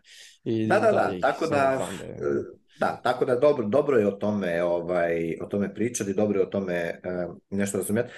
Stvar je o tome, isto tome što ako nekog stvarno zanima Kojiš, sad će neko, evo, recimo, neki, neki uh, woke uh, lik iz bajke će pogledat greenpeace video i reći, au, Bitcoin bad, Bitcoin bad. E, zapravo će reći, ne, ne, Bitcoin good, ali proof of work mining bad. I onda će, će znači, bi bilo smiješno. proof of... na da naprave fork, fork Bitcoina, ono, kao clean, green Bitcoin. I ono, ko, ko, i ove ostali, ovi ostali uh, skemovi, i što ne bi bilo, mislim, moglo bi biti kuđiš da doslovno ono, forkaju, forkaju Bitcoinu nekakav, uh, ono, change the code Bitcoin i kuđiš, i još tu pokupe pare e, ljudima koji, koji, to, koji to popuše. Ali opet, tako će jedino naučiti mnogi a oni koji žele naučiti šta je u biti Bitcoin mining, kako to funkcionira i od kuda cijela ta histerija oko climate change, od koji je root toga, e oni mogu se lijepo o tome informirati. Imamo, hoćeš na ovom podcastu, ali ima, ima dosta e, već članaka, možete, se pročitati, Bitcoin standard, fiat standard, puno to e, pokriva, Odkud je došao climate change, E, skem. Od kuda je to? Zašto to sad? Od je ta ideja da sada mi na jednom, e, ne znam, krave prde i, i otapaju ledenjake? Od kuda to da mi moramo, ako mi jedemo e, bube i, i kukce, da onda će vrijeme biti ljepše. Neće biti poplava i neće biti požara. Od kuda tako retardirani Naravno, sam to to pojednostavio, ali manje više se to sudi na to. Dajte novce ovima, ovima tu ljudima u kravatama i odjelima, tako da, da, da vrijeme bude bolje. Da ne budu ekstremni vremenski uvjeti. E, to treba naučiti, treba naučiti šta je Bitcoin mining, općenito kako, šta je, ono, kako koristi energiju, šta je struja, šta je, šta točno, šta se točno dešava tu. Mnogi ljudi misle, i, jasno tako. Čemu doprinosi? I mislim, čemu doprinosi? to, je, to, je, to, je, to je mini ono možda danas što će najviše ljudima ono rezonirati to sad kad vidiš ono kriza u bankarskom sustavu i tu da ništa nije onak kak izgleda i onda se pa da, mislim, Teško je, teško je, ono, to su duboke teme koje treba, koje treba prva stvar se smiriti da biš ih, e, da ono krenuo u njih i, i, i krenuo logično logično prolaziti i recimo kad ti neko kaže Bitcoin ono troši više energije nego država Danska. Prvo, znači ti već iz tamo tog, tog statementa da Bitcoin troši više energije nego država Danska. Šta znači Bitcoin troši više energije? Pa prva stvar ti, znači ti već moraš početi razmišljati, ok, ja kad gledam, kad kažem Bitcoin troši energiju, ja implicitno razmišljam kao da zapravo energija nekako imamo svi skupa jednu određenu količinu energije koju ako Bitcoin troši puno, onda za nas neće ostati puno više. Znači ako Bitcoin troši, onda ja neću moći trošiti jer je ono, ako ja imam tu u ovoj čaši ono, dva deca vode, vode i tu neki, neko troši moju vodu, znači ja ću ja ju neću imati. Ali onda razmišljaš, čekaj malo, da se uopće energija kao takva može potrošiti? Ne može se potrošiti nego se samo transformira iz jedne forme u drugu. A, vidi stvarno ono. Znači, zapravo se ne može ništa potrošiti. Ne, ne može se ništa potrošiti. Imaš infinit, beskonačnu količinu energije. Aha, znači Bitcoin zapravo transformira količinu energije kao danska. Ok, šta to znači da transformira energiju? A transformira energiju iz, jednog, iz jedne forme u drugu u jedinici vremena. Onda kaže, o, vidi još jedna, a, znači, e, zapravo energija nije isto šta i power, nije isto šta i rad, ne? Znači, to je, to je energija u jedinici vremena, jer nije isto, imamo beskonačnu količinu energiju samo iz sunca koja ono, skoro beskonačno koja pada na zemlju, ali mi ne možemo sa tom beskonačnom sunčevom energijom e, nju koristiti da bi, ne znam, e, maknuli, ne znam, objekt od 15 tona. Ne? Znači, za to nam treba nešto što, što, što treba imati nekakav drugi izvor uh, snage, jel? Znači, mi moramo transformirati tu energiju u, i staviti u jedinicu vremena. Aha, znači, to isto. I onda počneš, počneš učiti malo o tom termodinamici, o, općenito tim principima i onda kad onda skužiš šta Bitcoin radi i da Bitcoin zapravo traži ono izvore, mi kažemo izvore energije, ali bi bilo preciznije reći power sources, znači tamo gdje je power chip, odnosno gdje je gdje mu potražnja nije, nije tako velika, tamo Bitcoin je profitabilan za majna. Čim Bitcoin, čim je power nije cheap, a to znači da mu je potražnja za, za powerom veća, tamo nije profitabilno za majnat Bitcoin. I odnosno može neko ići majnat Bitcoin u gradu, ali će gubit novce, znači eventually će, će popušiti tako da mu onda uopće nije niti incentive da ide majna. Znači onda tu otkriješ još, ha, tu postoji, nije Bitcoin ono, jer recimo ovaj taj Greenpeace, tako retardirano su napravili taj video u smislu kad ti njega ideš rastočit ono, u, točke. Nije da sad to mi tu trebamo raditi. Ali dobro, neko će to napraviti, ovi što idu lobirat kod ovih regulatora će ići razbiti cijeli taj ono step by step. Ali ono, generalno, ako ne, ovo je poruka ljudima koji su woke, malo su još uvijek u tom emotivnom stanju. Ako nećete se ići na, ako, ne, ako vam nije želja, ono, ok, umiriti se, ajmo se uhvatiti malo, naučit kako u biti to cijela stvar funkcionira. Ako nećete tim načinom ići, onda ćete popušiti novce, zato što će vas ovih glupi skemeri tako namazat da ćete ono, ili u neki glupi shitcoin land sa nekim proof of stake uh, protokolom, gdje će vam ono vas sisat pomalo over time, ili ćete popušiti scam kojega će napraviti ovi Greenpeace. Ko zna možda ko će još, koji će se još constituencies ono, uključiti ako budu stvarno išli forkat change the code Bitcoin. Ono. Bitcoin je ok, ovaj je tom video rekao, kao nisam ja protiv Bitcoina, ja sam samo protiv Bitcoina koji majna znaš, i onako troši fosilna goriva i uništava našu lijepu planetu i ono, otapa ledenjake i to. Znači, Bitcoin je ok, ali moramo mu change the code i maknuti proof of work i staviti proof of stake Bitcoin. E, green Bitcoin. Tako da, uh, da bude ono Greenpeace Bitcoin. Znači, e, ako ćete popušiti, ako ćete popušiti taj scam, popušit ćete novce. Znači, i opet ćete odmah doći na isto. Tako da moja preporuka je chill, udahnu duboko, ide ono, korak po korak uh, naučiti šta se zapravo događa sa Bitcoinom i sa miningom i energijom i onda će vam biti super. Jer ako ne, opet ćete doći na to isto samo tough way kroz gubitka, gubitak para. Da, to je škola po meni nije, nije dobra, ali ako, ako, ako je to jedini način, to će biti način za puno, za puno, za puno ljudi za naučiti. Tako da... Ah. Tako je, tako je. Šta nam je ostalo? Ovaj danas su ovih... Otnali, ja. Dobro, nema veze, da, da. danas, Idemo još danas, danas su ono, ništa nije Bitcoin related, nego ćemo mi svaku vijest spojiti s Bitcoinom čisto da odgovara e, A, da, da, je Bitcoin podcast.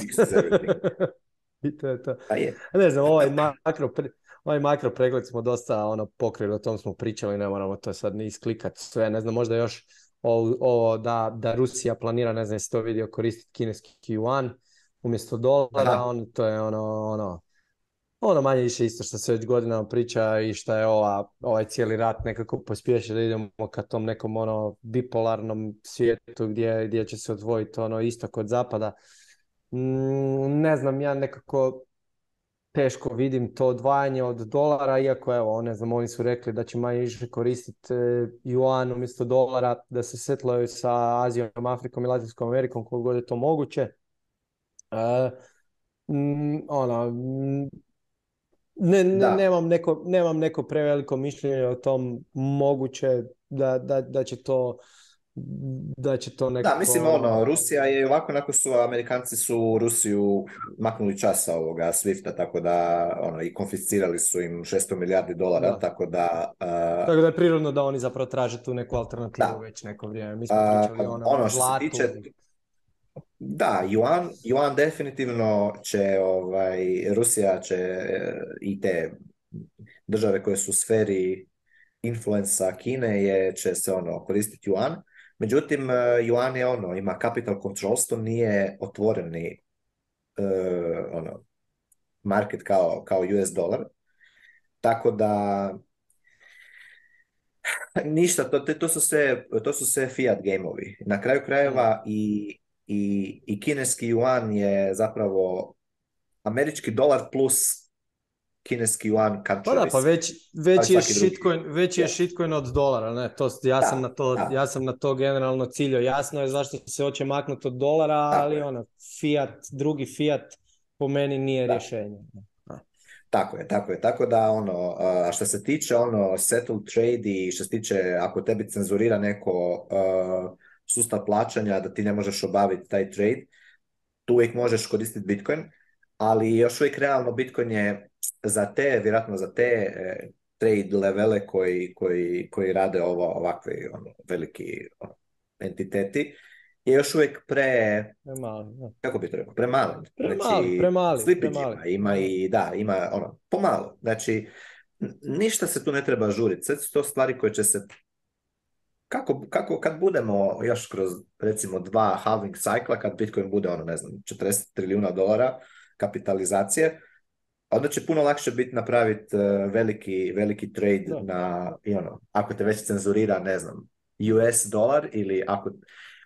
mislim, pitanje je isto šta, da, će, da će US dolar, šta će se desiti možda 2024. ako će se promijeniti uh, e, Sleepy Joe i demokratska administracija, hoće li se, hoće li se ovaj, e, kako će se taj odnos sa Rusijom možda promijeniti, možda će ih vratiti natrag u, u, u, ovaj, u, kako se u, da, ko zna. Da, ali sve to... Zna. se koji je ono long term path eh, celog fiat sistema. To je print, print, print, meaning svaki dolar je samo, samo ih sve više i više ima jel, u cirkulaciji i u, u generalu, kao i svih ostalih valuta, fiat. A Bitcoina nema sve više i više, Bitcoina ima 900 na dan, t, t, t, do 2024, na 450 na dan, do 2028, onda 225, to 2032. i tako dalje, dok ne izmajnamo sve. A u vremenu, koliko će kvadrilijuna, trilijuna, bilijuna, ne znam čega, izmajnat e, ovih Fijata. Hmm. Es... Ovo zapravo pokazuje da je, cijeli, da je cijeli svijet nekako u toj konstantnoj potražnji za, za nekakvim rješenjem koji je ovaj sustav proteklih 50 godina napravio taj problem e, i vidljivo je da je Bitcoin još premal, nije, na, nije dovoljno mainstream, nije dovoljno radara, dovoljno ljudi i u ovoj konačnici e, ovo š, Rusi šta će koristiti, to nije dovoljno velik da bi oni to mogli raditi. Zato smo i pričali prije da se spominjala ona neka kombinacija sa zlatom. Zlato pak ima druge probleme i to je to. Bitcoin će biti spreman za, za riješiti sve te probleme kad, kad dođe do njih. zapravo koje rješenje želiš, želiš točno ono što ti Bitcoin nudi. Da to bude sigurno, da ti nitko ne može to cenzurirati, da to ovoga, u konačnici prođe, znači ta transakcija i, I to je to, i to je ono što Bitcoin radi 100% vremena od inceptiona. Dolarski rast je, to Rusima i njima, njima ne treba dolarski rast Bitcoina, njima treba mreža putem koje mogu slat bez da ih neko jebe u zdrav mozak. To je to. da, da, da. da, tako da sve će to, sve će to doći. Na sve to dolazi na svoje konstantno, samo ono pitanje kad će se ko na individualnoj razini, ajmo reći, isključiti iz, iz, iz i uključiti u Bitcoin. To je način na koji Bitcoin raste. Jedan po jedan čovjek, individualno, i jedan po jedan cash balance. Znači, um, baš sa Gigi neki dan smo o tome pričali, u biti kako ne možeš ti, ne možeš ti ubrzati eh, Bitcoin adoption. Ne možeš, ti jednostavno možeš, ti možeš puno, ajmo reći, kroz vrijeme možeš puno ljudi posija sjemenka, ali opet i neko da sad recimo kao ono sluša ovu epizodu ili bilo koju i kaže dobro, ok, evo, sku, ono, prodali ste me, evo idem, idem kupit Bitcoin, njemu će trebati od tog trenutka ako mu je to prvi put get of zero moment, treba će mu vremena da on opće iskusi ono, appreciation meaningful. Jel? Znači, da, Bitcoin može otići 50% gore u mjesec dana, ali može isto tako past. Znači, ti, ti realno moraš proći jedan cijeli puni taj ciklus aprecijacije da bi to što si napravio prvi put get over zero, da ti to se ono recimo u struči, jel? Pa da onda tek, onda ćeš tek, ja mislim, aha, onda mm. tek, tako se meni dogodilo. Onda tek onda, ćeš tek pa ćeš pa Onda tek onda tek ideš još jedan ciklus dok, e- ono, kad si zagrizo, dok tamo ga alociraš, dok prođeš jedan bull, bust, e, ono, boom, boom i ovaj, i mm. bull i bear market e, cycle, pravi, jel, kad imaš meaningful, ono, veliku alokaciju i onda, ajmo reći, tek u trećem ciklusu si, mm. ono, dođeš u taj nekakav zen di sad ti je jasno da nema, da je sve, da sve drugo... Da je to to, da. da je to to, da je to unstoppable, da nemaš taj protokol, da nema nikakve razlike, ono, niko ne može utjecat. Ne može jedan Michael Saylor koji, ono, ima je multimilijarder, on nikako ne može na nikakav način utjecat više na, na Bitcoin protokol mm. nego običan pleb, jel? Što nije slučaj kod niti jednog drugog e, novca i kod jednog drugog niti shitcoina naravno, niti mm. fiat e, valute. Yes. Da. Znači- sad si me sjetio, jesi poslušao ovog, e, točno to što ti sad pričao, jesi poslušao Jack Malersa kad je bio to je, to sad... Ja e, nešto. Ovi zadnji da, Doslovno, je to, ono, tako su ga ispitivali, ta neka bazična pitanja o kojima ti pričaš i isto to, zato sam mislio da si ga poslušao, vidim da, da, ali to je to, to mi svi pričamo manje više isto, ali točno to je rekao, ono, ne znam, ako želiš, ne znam, u srebru sve vodit, ono, supply srebra se bez problema poveća, znači ono, sve te neke stvari koje Bitcoin ima, e, ima s razlogom, s razlogom postoje. A, a ovo, nastavno na ovo, E, slažem se s ovim, to si super rekao, ono, da, da ti trebaju proći ciklusi i to. Po meni je bitno uz, uz sve to, Znači ne samo da gledaš cijenovno, naravno da većina ljudi će prvi put zbog cijene i mi smo tu isto zbog cijene nećemo lagati, ali nas je privuklo u konačnici nešto drugo osim cijene, barem u mojem slučaju što mi je onako utvrdilo zašto ja želim biti. Cijena je bila ono što me inicijalno privuklo i taj rast cijene je nešto što me inicijalno privuklo i ostajem tu zbog rasta cijene, ali ono nije Bitcoin samo cijena. Jer e, smatram da ljudi koji uđu samo zbog cijene, kaj god si ti ovo rekao, treba im proći četiri godine da, da, da dobe nekakva, nekakav rast s kojim su zadovoljni pa onda krenu kopati u drugo, ti ljudi su najčešći e, ljudi koji postanu shitcoineri.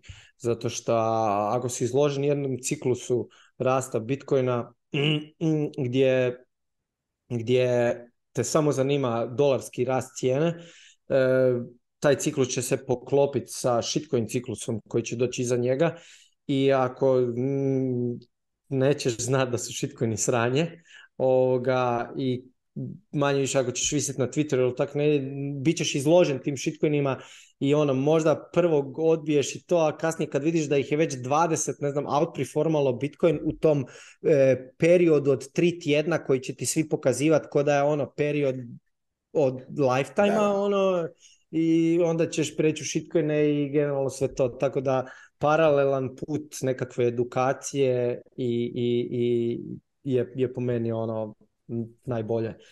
uđi, uđi zato što te zanima dolarski rast, ali ono, e, kreni odmah čitati i educirati se u Bitcoin. Mada i ovaj put što si ti spomenuo, to je isto edukacijski put. On, Shitcoin Land je, isto vrhunska edukacija. mislim, nema, nema šta da, da nije. Pa ja mislim, evo vidiš, baš smo to isto na seminaru u Cefedina smo komentirali ovog Balažija i ovo što je on ovaj bet. E, to sam s tim ja htio da, da, da. na to. bet kao Bitcoin će biti milijon e, milion dolara za 30, 90 dana ili koliko je već pa je on ono betao milion dolara odmah sad, znači mislim već je retardiran ono tam, sad, sam bet. E, ako, ako već misliš da će Bitcoin ići na milion dolara za 90 dana, onda ono kupi, kupi Bitcoina za, 90, za, za milion dolara. Za Dobro, anyway, skupiš 30 Bitcoina pa si, pa si na miru. Ali uglavnom, e, kaže Sefedin da je, da je, da on misli da je, da je Balaži e, tek sad zapravo skužio što je Bitcoin u biti. Jer uh, i da to i to kao, kao kaže da je to ko onaj efekt kad ti prvi put mm već prvi put saznaš za ono cijeli taj fiat scam, money printing i to, onda imaš odmah e, kao dojam da će sad sljedećih e, tjedan dana naš ono eksplodirati cijeli fiat sustav, sve će ići u hiperinflaciju, ono, svi će se ljudi probuditi. Pa, Sva. Da nemaš dovoljno vremena, brzo, brzo, brzo. Da, gotovo. da, ono, imaš.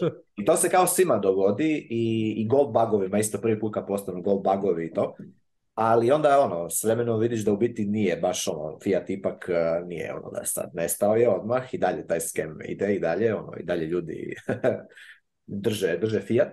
A ovaj, Balaži sad ima to zato što, zato što se sad to prvi put e, zapravo je vidio efekt e, ono, Fiat failure kod sebe, blizu, ono, Silicon Valley Bank je, je rokno. I, ovaj, I onda je on iako je on ono, Bitcoin investor još od prije i shit, naravno shitcoin, kripto, šta ja znam, šta se ne, neke startupe tamo ono, Think boy, on je milijarder, on je ono, early Silicon da. Valley guy ono, koji je investirao u sve te, obogatio ja se i sad se igra. Valley, Ali, ovaj, ali, jer kuš, mislim, svi ti, svi ti, sva ta, te, ono, tech bros i ta sva ekipa, uh, eh, visi, ono, ekipa, oni su, kuš, oni, ajmo reći, gledaju na, to jest, gledali su mnogi pa i balaži na Bitcoin kao ono, a da, to je još neki ono tech and interesting, kod ko startup neki, sad ću tamo ono, alocirat malo, pa ali još ću i tu, tu, tu, tu, Nije, nije niko njih zapravo uopće, e, kao, tako kaže se, kao, nije niko njih pojmio e, Bitcoin kao ono, zapravo exit, znaš, iz, iz, iz, iz fiat sustava generalno, jer generalno, otkud vi sijevima sve ti silne stotine milijuna ono dolara za investiranje u ono doslovno imaš ono kre, kretenizme doslovno teške zašto otkud je to sve skupa pa to je ono jedan od benef, od od fiat fiat standarda koji su ono blizu money spigota i ovaj i imaju mogućnost imali su mogućnost koristiti super ono cheap money i onda šta ćeš kad imaš toliko cheap money, a onda ga moraš bacati u što je moguće više stvari, pa makar ono Zašto su, zašto su ti silni visijevi, ono, se koja kapital je ono, popušila SBF-a i njegovu priču, jel? Znači, ono, lik igra, igra igricu i govori ovo, ovima, ovi visijevi, ono, sline im cuja, oh, ovo je, ono, novi, ovo ćemo, ono, pa, mislim, naravno, zato što je to sve posljedica Fijata. A Balaži, je kažem, Satek u biti e, skužio e, šta je u biti Bitcoin, ono, da je to Eh, još pogotovo možeš misliti eh, efekt koji ono, banke rokaju u Americi, a Bitcoin pumpa. Ono, u isto vrijeme se, se, se to dešava. I ovaj, i tako da čovjek ono, zbrojio 2 i 2 i, i, i sad eh, i sad vjerojatno će i puno tih teh visijeva isto ono, to, to skužiti i ajmo reći na neki način ono, možda i shvatiti shvatiti fiat scam malo dublje. Pa ovaj, da, mislim, sve je to dobro, ali ono, balaži, kažeš ako, ako niš drugo, malo, dobar marketing za, za Bitcoin. A sam, samo sam htio reći, zašto, zašto Bitcoin je highly unlikely da ode na milion dolara u 90 dana i drži se. Eh, mislim, možda i može otići u nekom malo ono, less than 1% chance. Ali zašto Bitcoin definitivno, mislim, užasno je nemoguće skoro, da drži se na milijun dolara ovih sad u 2023. godini. Uh, zato, što, zato što ne treba, znači treba, vratimo se nazad na fundamente. Bitcoin danas generira 6,25 e, bitcoina po bloku u 10 minuta. To je 900 novih bitcoina svaki dan. Ako bitcoin ode na milijun dolara, znači da ti trebaš svaki dan 900 milijuna dolara okay, imat novoga, znači novi ono, inflow uh, kapitala u Bitcoin, da bi se održala cijena od milion dolara. Znači, 900 milijuna dolara na znači, dan je... Četiri Michael Saylora, da. To je to četiri su... Michael Saylora Četiri Michael dan. koji su, kad je on u 8 mjesecu da. 2020. jel? On je kupio za cca 250, jel? To je to. 250 milijuna dolara je bilo... Znači, to su četiri Michael Saylora dnevno, da. Četiri Michael Saylora dnevno. Znači, gdje ćeš ti naći četiri Michael Saylora dnevno? Jel? Mislim, ok, e, doći će, nije nemoguće, imaš ti, ali, ali opet ne treba, ne treba, ne treba to discounta. Znači, stvari o tome što, što Bitcoin, zato su halenzi toliko bitni, zato je na kraju fundamentalno se sve to svodi na monetarnu ekonomiju. Zato je vrijedno umjesto tajmirat market, uhvatit se da shvatiš u biti šta drajva, ono, zašto je taj, zašto taj stock to flow growth, na halvingu, u dupliranje stock to flowa. Zašto je to ono što drajva, eh, ajmo reći, Bitcoin eh, vrijednost cijele, cijelog networka i svega toga? Zašto je to ultimativno na kraju ono što je, je zapravo naj, najveći driver number go up tehnologije? Zato što imaš, imaš tu temeljnu, kako bi to rekao, mikroekonomsku dinamiku, gdje ako cijena Bitcoina ode toliko gore, ti imaš istovremeno o motivaciju hodlera za prodajom, jel? znači sada da Bitcoin ode na milijun dolara za, za 90 dana, možeš biti 100% siguran da će moja potrošnja otići gore. Kupit ću i novi auto, i novu kuću, i ne znam šta ću uzeti, e, gliser, i ovo i ono. Definitivno. I ne da ću prodati cijeli Bitcoin. Pa definitivno ću ono. Moj purchasing power će se povećati. Ne samo moj, nego i mnogih hodlera. Ako neko ima kredit, možda će vratiti kredit ako Bitcoin je na milijun dolara. Znači sve to self pressure. I istovremeno, kažem, mineri dalje generiraju 900 bitcoina na dan, znači 900 milijuna dolara bi se trebalo ono, apsorbirati. Nekoga, neko mora apsorbirati. Ili stari hodleri ne, moraju, ne smiju prodati, ili novi, novi inflow mora biti na 900 milijuna dolara dnevno. To je 9 milijardi dolara u 10 dana. Znači, to je ono, u 100 dana 90 milijardi dolara. Znači, nije to malo. Ono, to su, to su ogromni, ogromni iznosi. A na svakom halvingu taj novi inflow mora biti samo duplo manji. Znači, tako da je lakše držati višu, višu cijenu Bitcoina kako mu se novi supply, marginalni novi supply smanjuje. I zato se treba strpiti.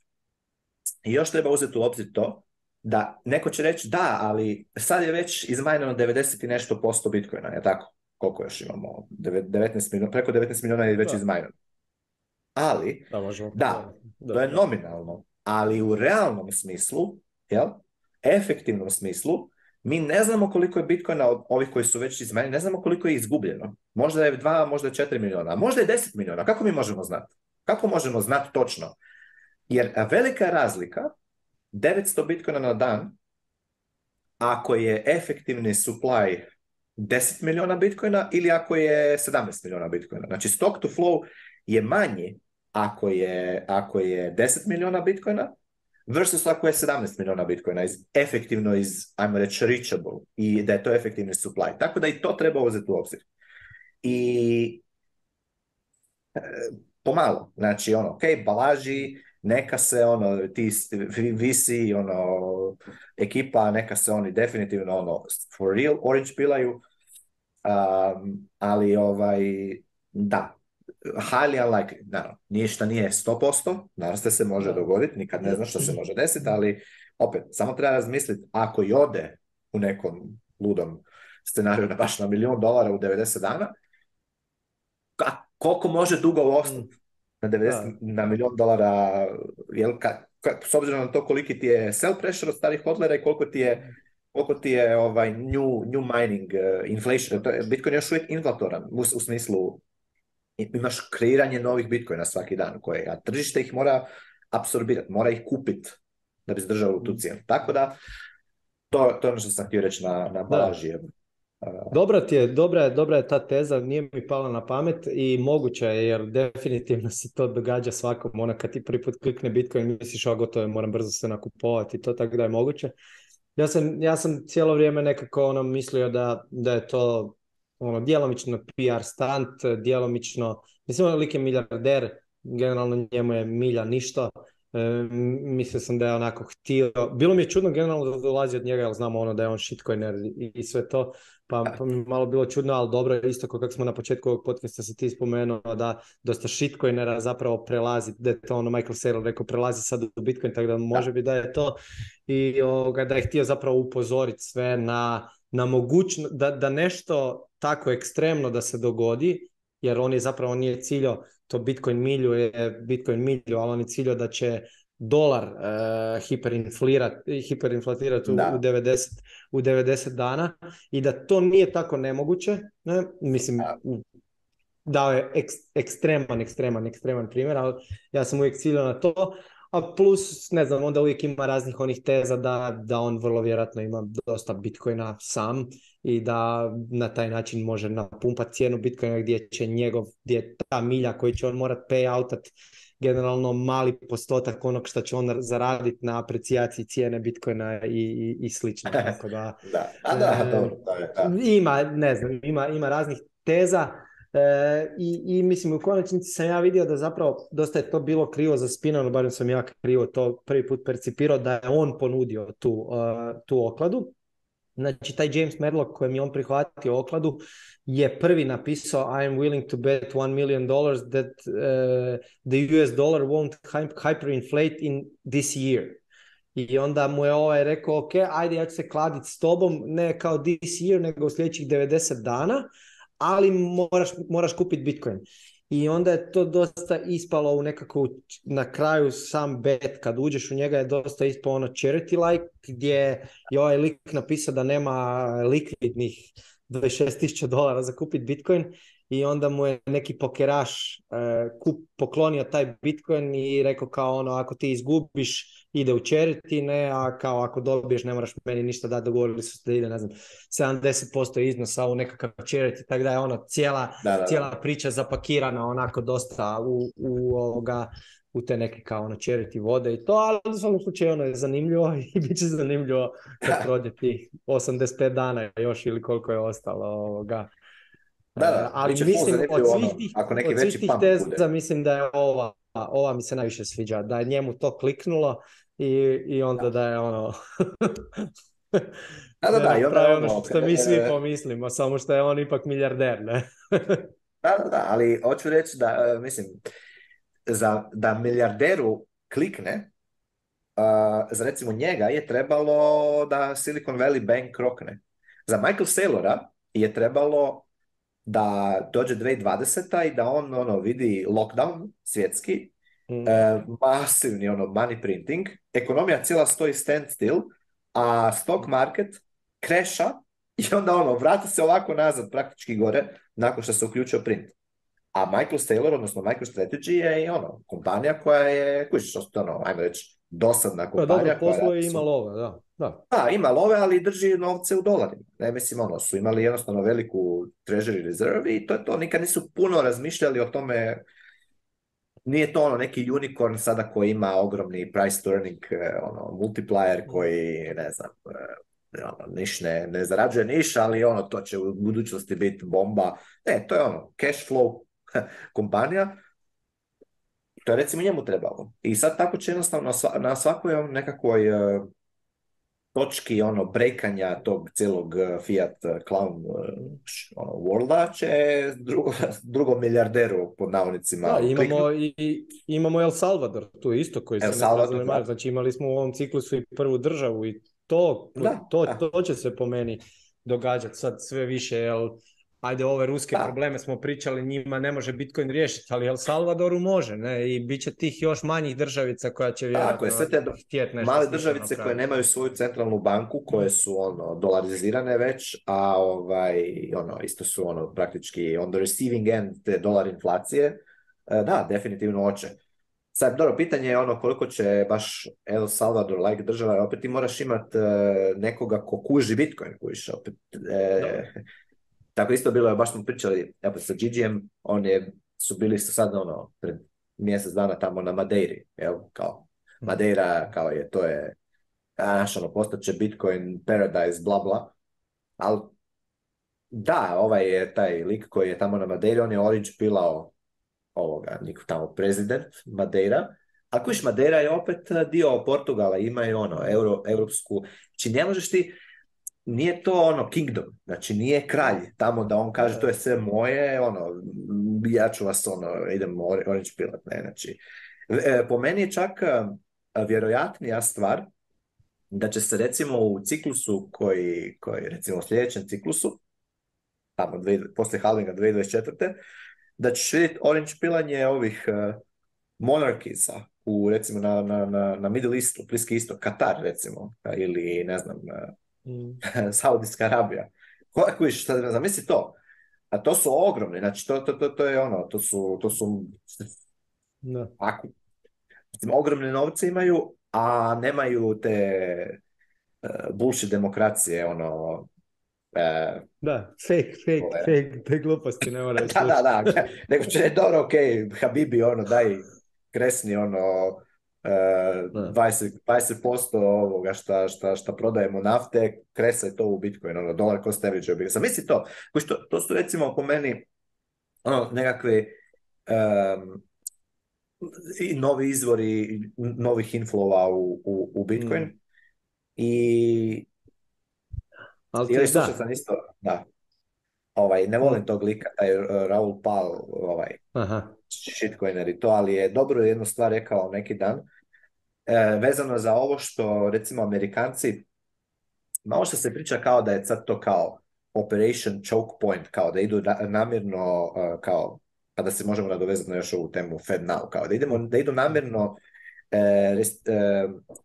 kao cut-offat te on and off ramps u Americi za, za Bitcoin, i za, ono, za kripto, ali mm. ono, jel? E, pa kao da to e, da je to namjerno zato što žele ono uvesti CBDC i bla bla konspiracije neki, ali e, čak i da to je tako, to je isto pitanje da će biti u sljedećoj ono, administraciji tako.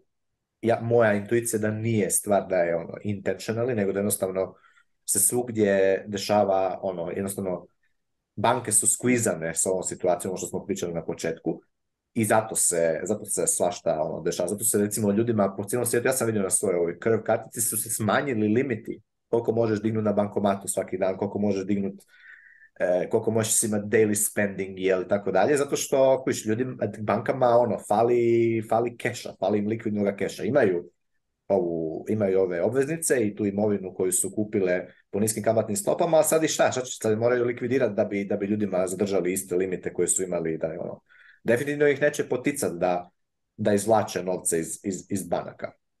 Tako da, ne mislim ja da, da je to nužno namjerno da se ono ljude e, kao te e, off and on rampove, da ih se namjerno čovka, ali ako ih se i čovka, kaže ovaj Raul i mislim da je u tome u pravu, ako je to slučaj ono što je game theoretic ono ishod na, na razini svjetskoj, je da će se onda taj kripto banking service industry maknut iz Amerike, ako Amerika bude ono full restriktivna regulatorno oko toga, maknut će se iz Amerike u Veliku Britaniju, u London, mm. koji je već, što je istina, istu stvar praktički taj regulatori arbitraž napravio a, na, sa euro-dolar marketom.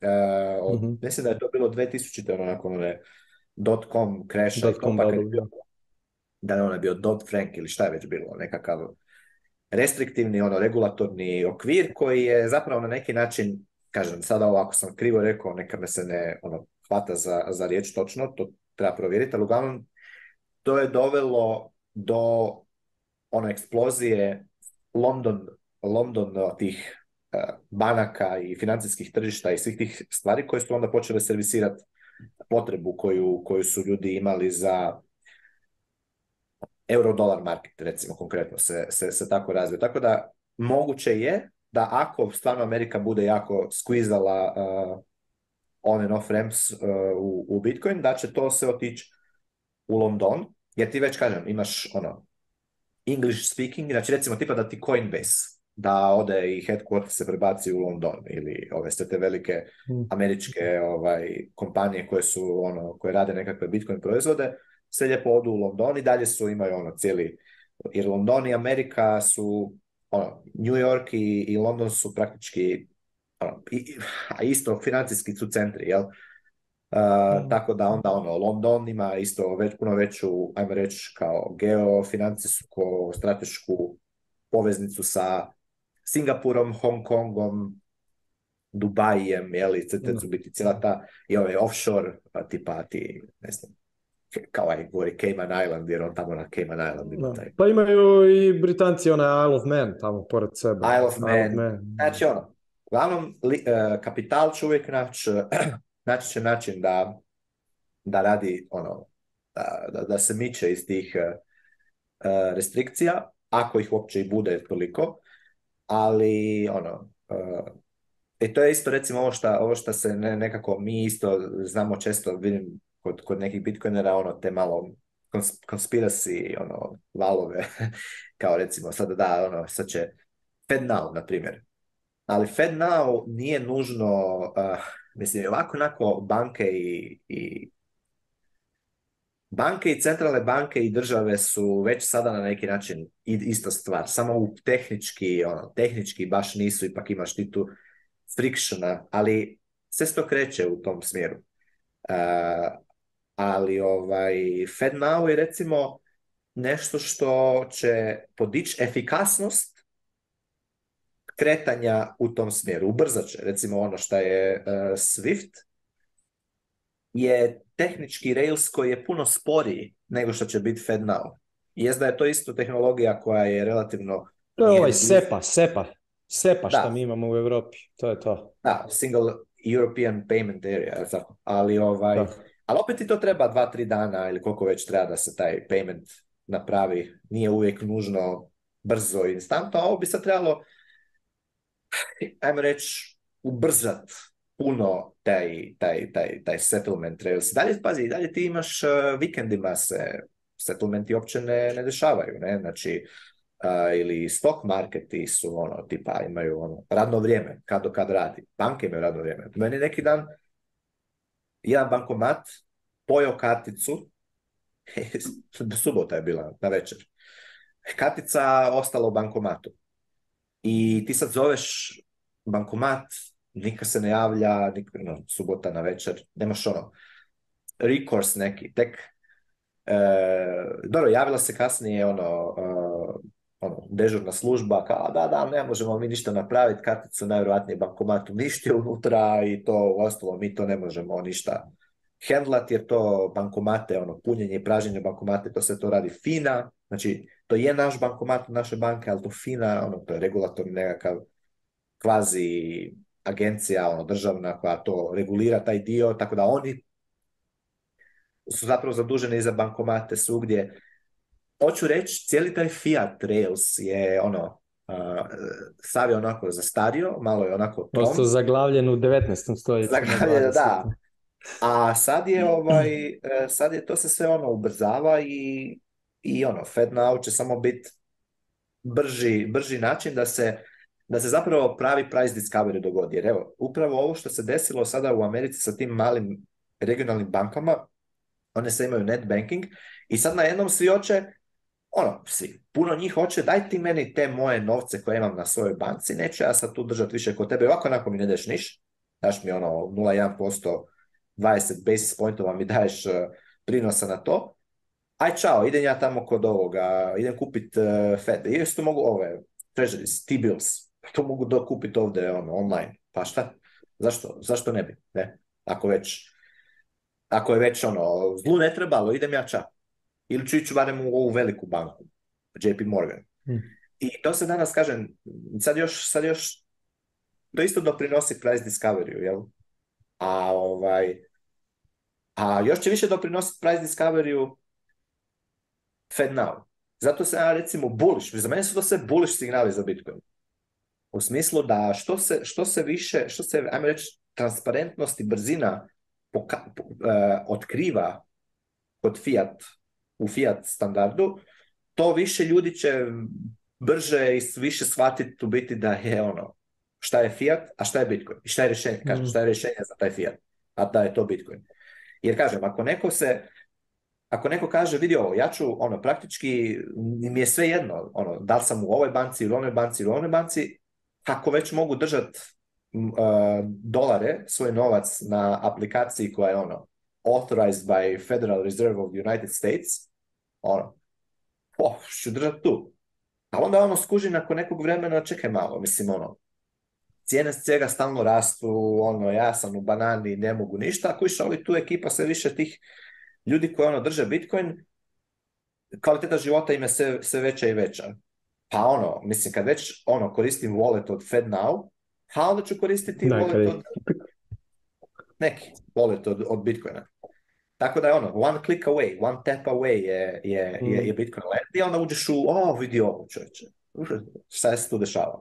Ovdje moj novac stječe vrijednost, kupovnu moć s vremenom, da. versus ovaj novac koji puši kupovnu moć s vremenom. Tako da to je po meni Sve je dobro za Bitcoin.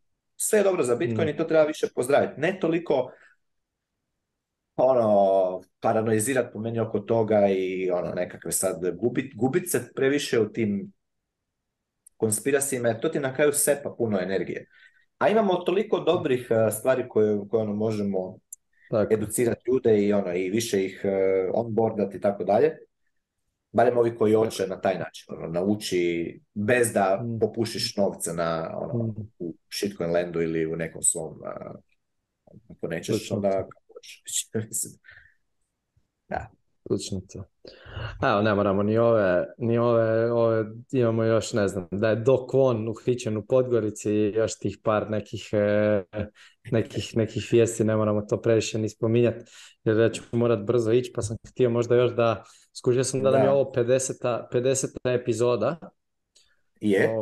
to je, to je okrugli broj, a to bi značilo da su još sa dvije epizode za dva tjedna smo na godinu dana ovoga uspješnog održavanja podcasta svaki tjedan i to prije svega si ti ovoga zaslužan koji nisi pri, propustio ni jedan podcast, tako da eto svaka čast i ne znam, ovoga, možda ne znam, tamo sam nešto sam s, Pavlom dopis, dopisivao, hoćemo možda neku napraviti obljetnicu, 21 grupe, to se isto manje više bliži se ta godina dana i tako, ne znam.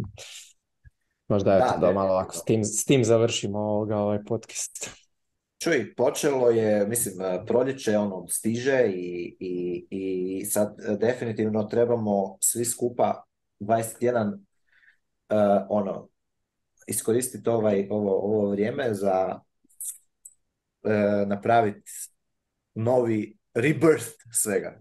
Ono, počet dodati još nove stvari. Sad smo ono, imamo godinu dana iza sebe i svakako trebamo, trebamo ovo ovaj, proširiti. Mislim da bi trebali imati e, trebalo bi još više, više tih e, podcasta. Mi uvijek se Većina naših razgovora se, se u ovom podcastu do sada se vrtilo oko ovog tog ekonomsko-financijskih tržišta i tako tih ekipa. Treba nam puno više ovog dijela čisto Bitcoin tehničkog. Recimo, mislim, svašta se događa u Bitcoinu, ali to isto treba pokrivati. Isto, ono, tako da, evo, pozivamo opet kogod god e, hoće, želi. Ja bih volio da se, da se napravimo, da napravimo to jednu konzistentni plan. Možda ne mora svaki tjedan taj tehnička analiza e, ići, ali recimo možda jednom mjesečno. To bi bilo 12 epizoda godišnje, gdje recimo ti već u mjesec dana imaš dovoljno mislim, tih tehničkih stvari koje su se u Bitcoinu dogodile, koje bi se moglo ono, obraditi. Ali dobro, sve ćemo to dogovoriti na ovaj, uskoro. I neki meetup definitivno trebamo složiti. Da. se trebali malo do Beograda vidjeti. Pa da, da, Pavle je spomenuo da, Pavle je spomenuo da bi možda napravio taj meetup u Beogradu, pa vidjet ćemo. Da. da, jedan vi Ovo da, ovo se slažem, da, da, ti ja ovoga, dosta uđemo u te ovoga, makro spiku, ali dobro, vjerujem da i to ljude, da to ljude zanima, da, tako da, ovoga... Čuje, sigurno nema malo... na YouTube-u, na ovom barem našem balkanskom području, ne, ja nisam barem vidio nešto što tako na toj razini e, pokriva e, te stvari. Onda ima par kripto, shitcoin, ono, Mm, Pampera, youtubera, koje isto pozdravljamo, ono, ali to je skroz druga ono, priča, ovo je baš... da. Mala, Malo, ajmo reći, ozbiljnije, dobro. Ništa, dobro, zaključit ćemo onda danas. Pozdravljamo svih, vidimo se sljedeći tjedan e, i da, dođite, javite, pišite i to sve. Pozdrav, pozdrav. Može. Pozdrav, bok.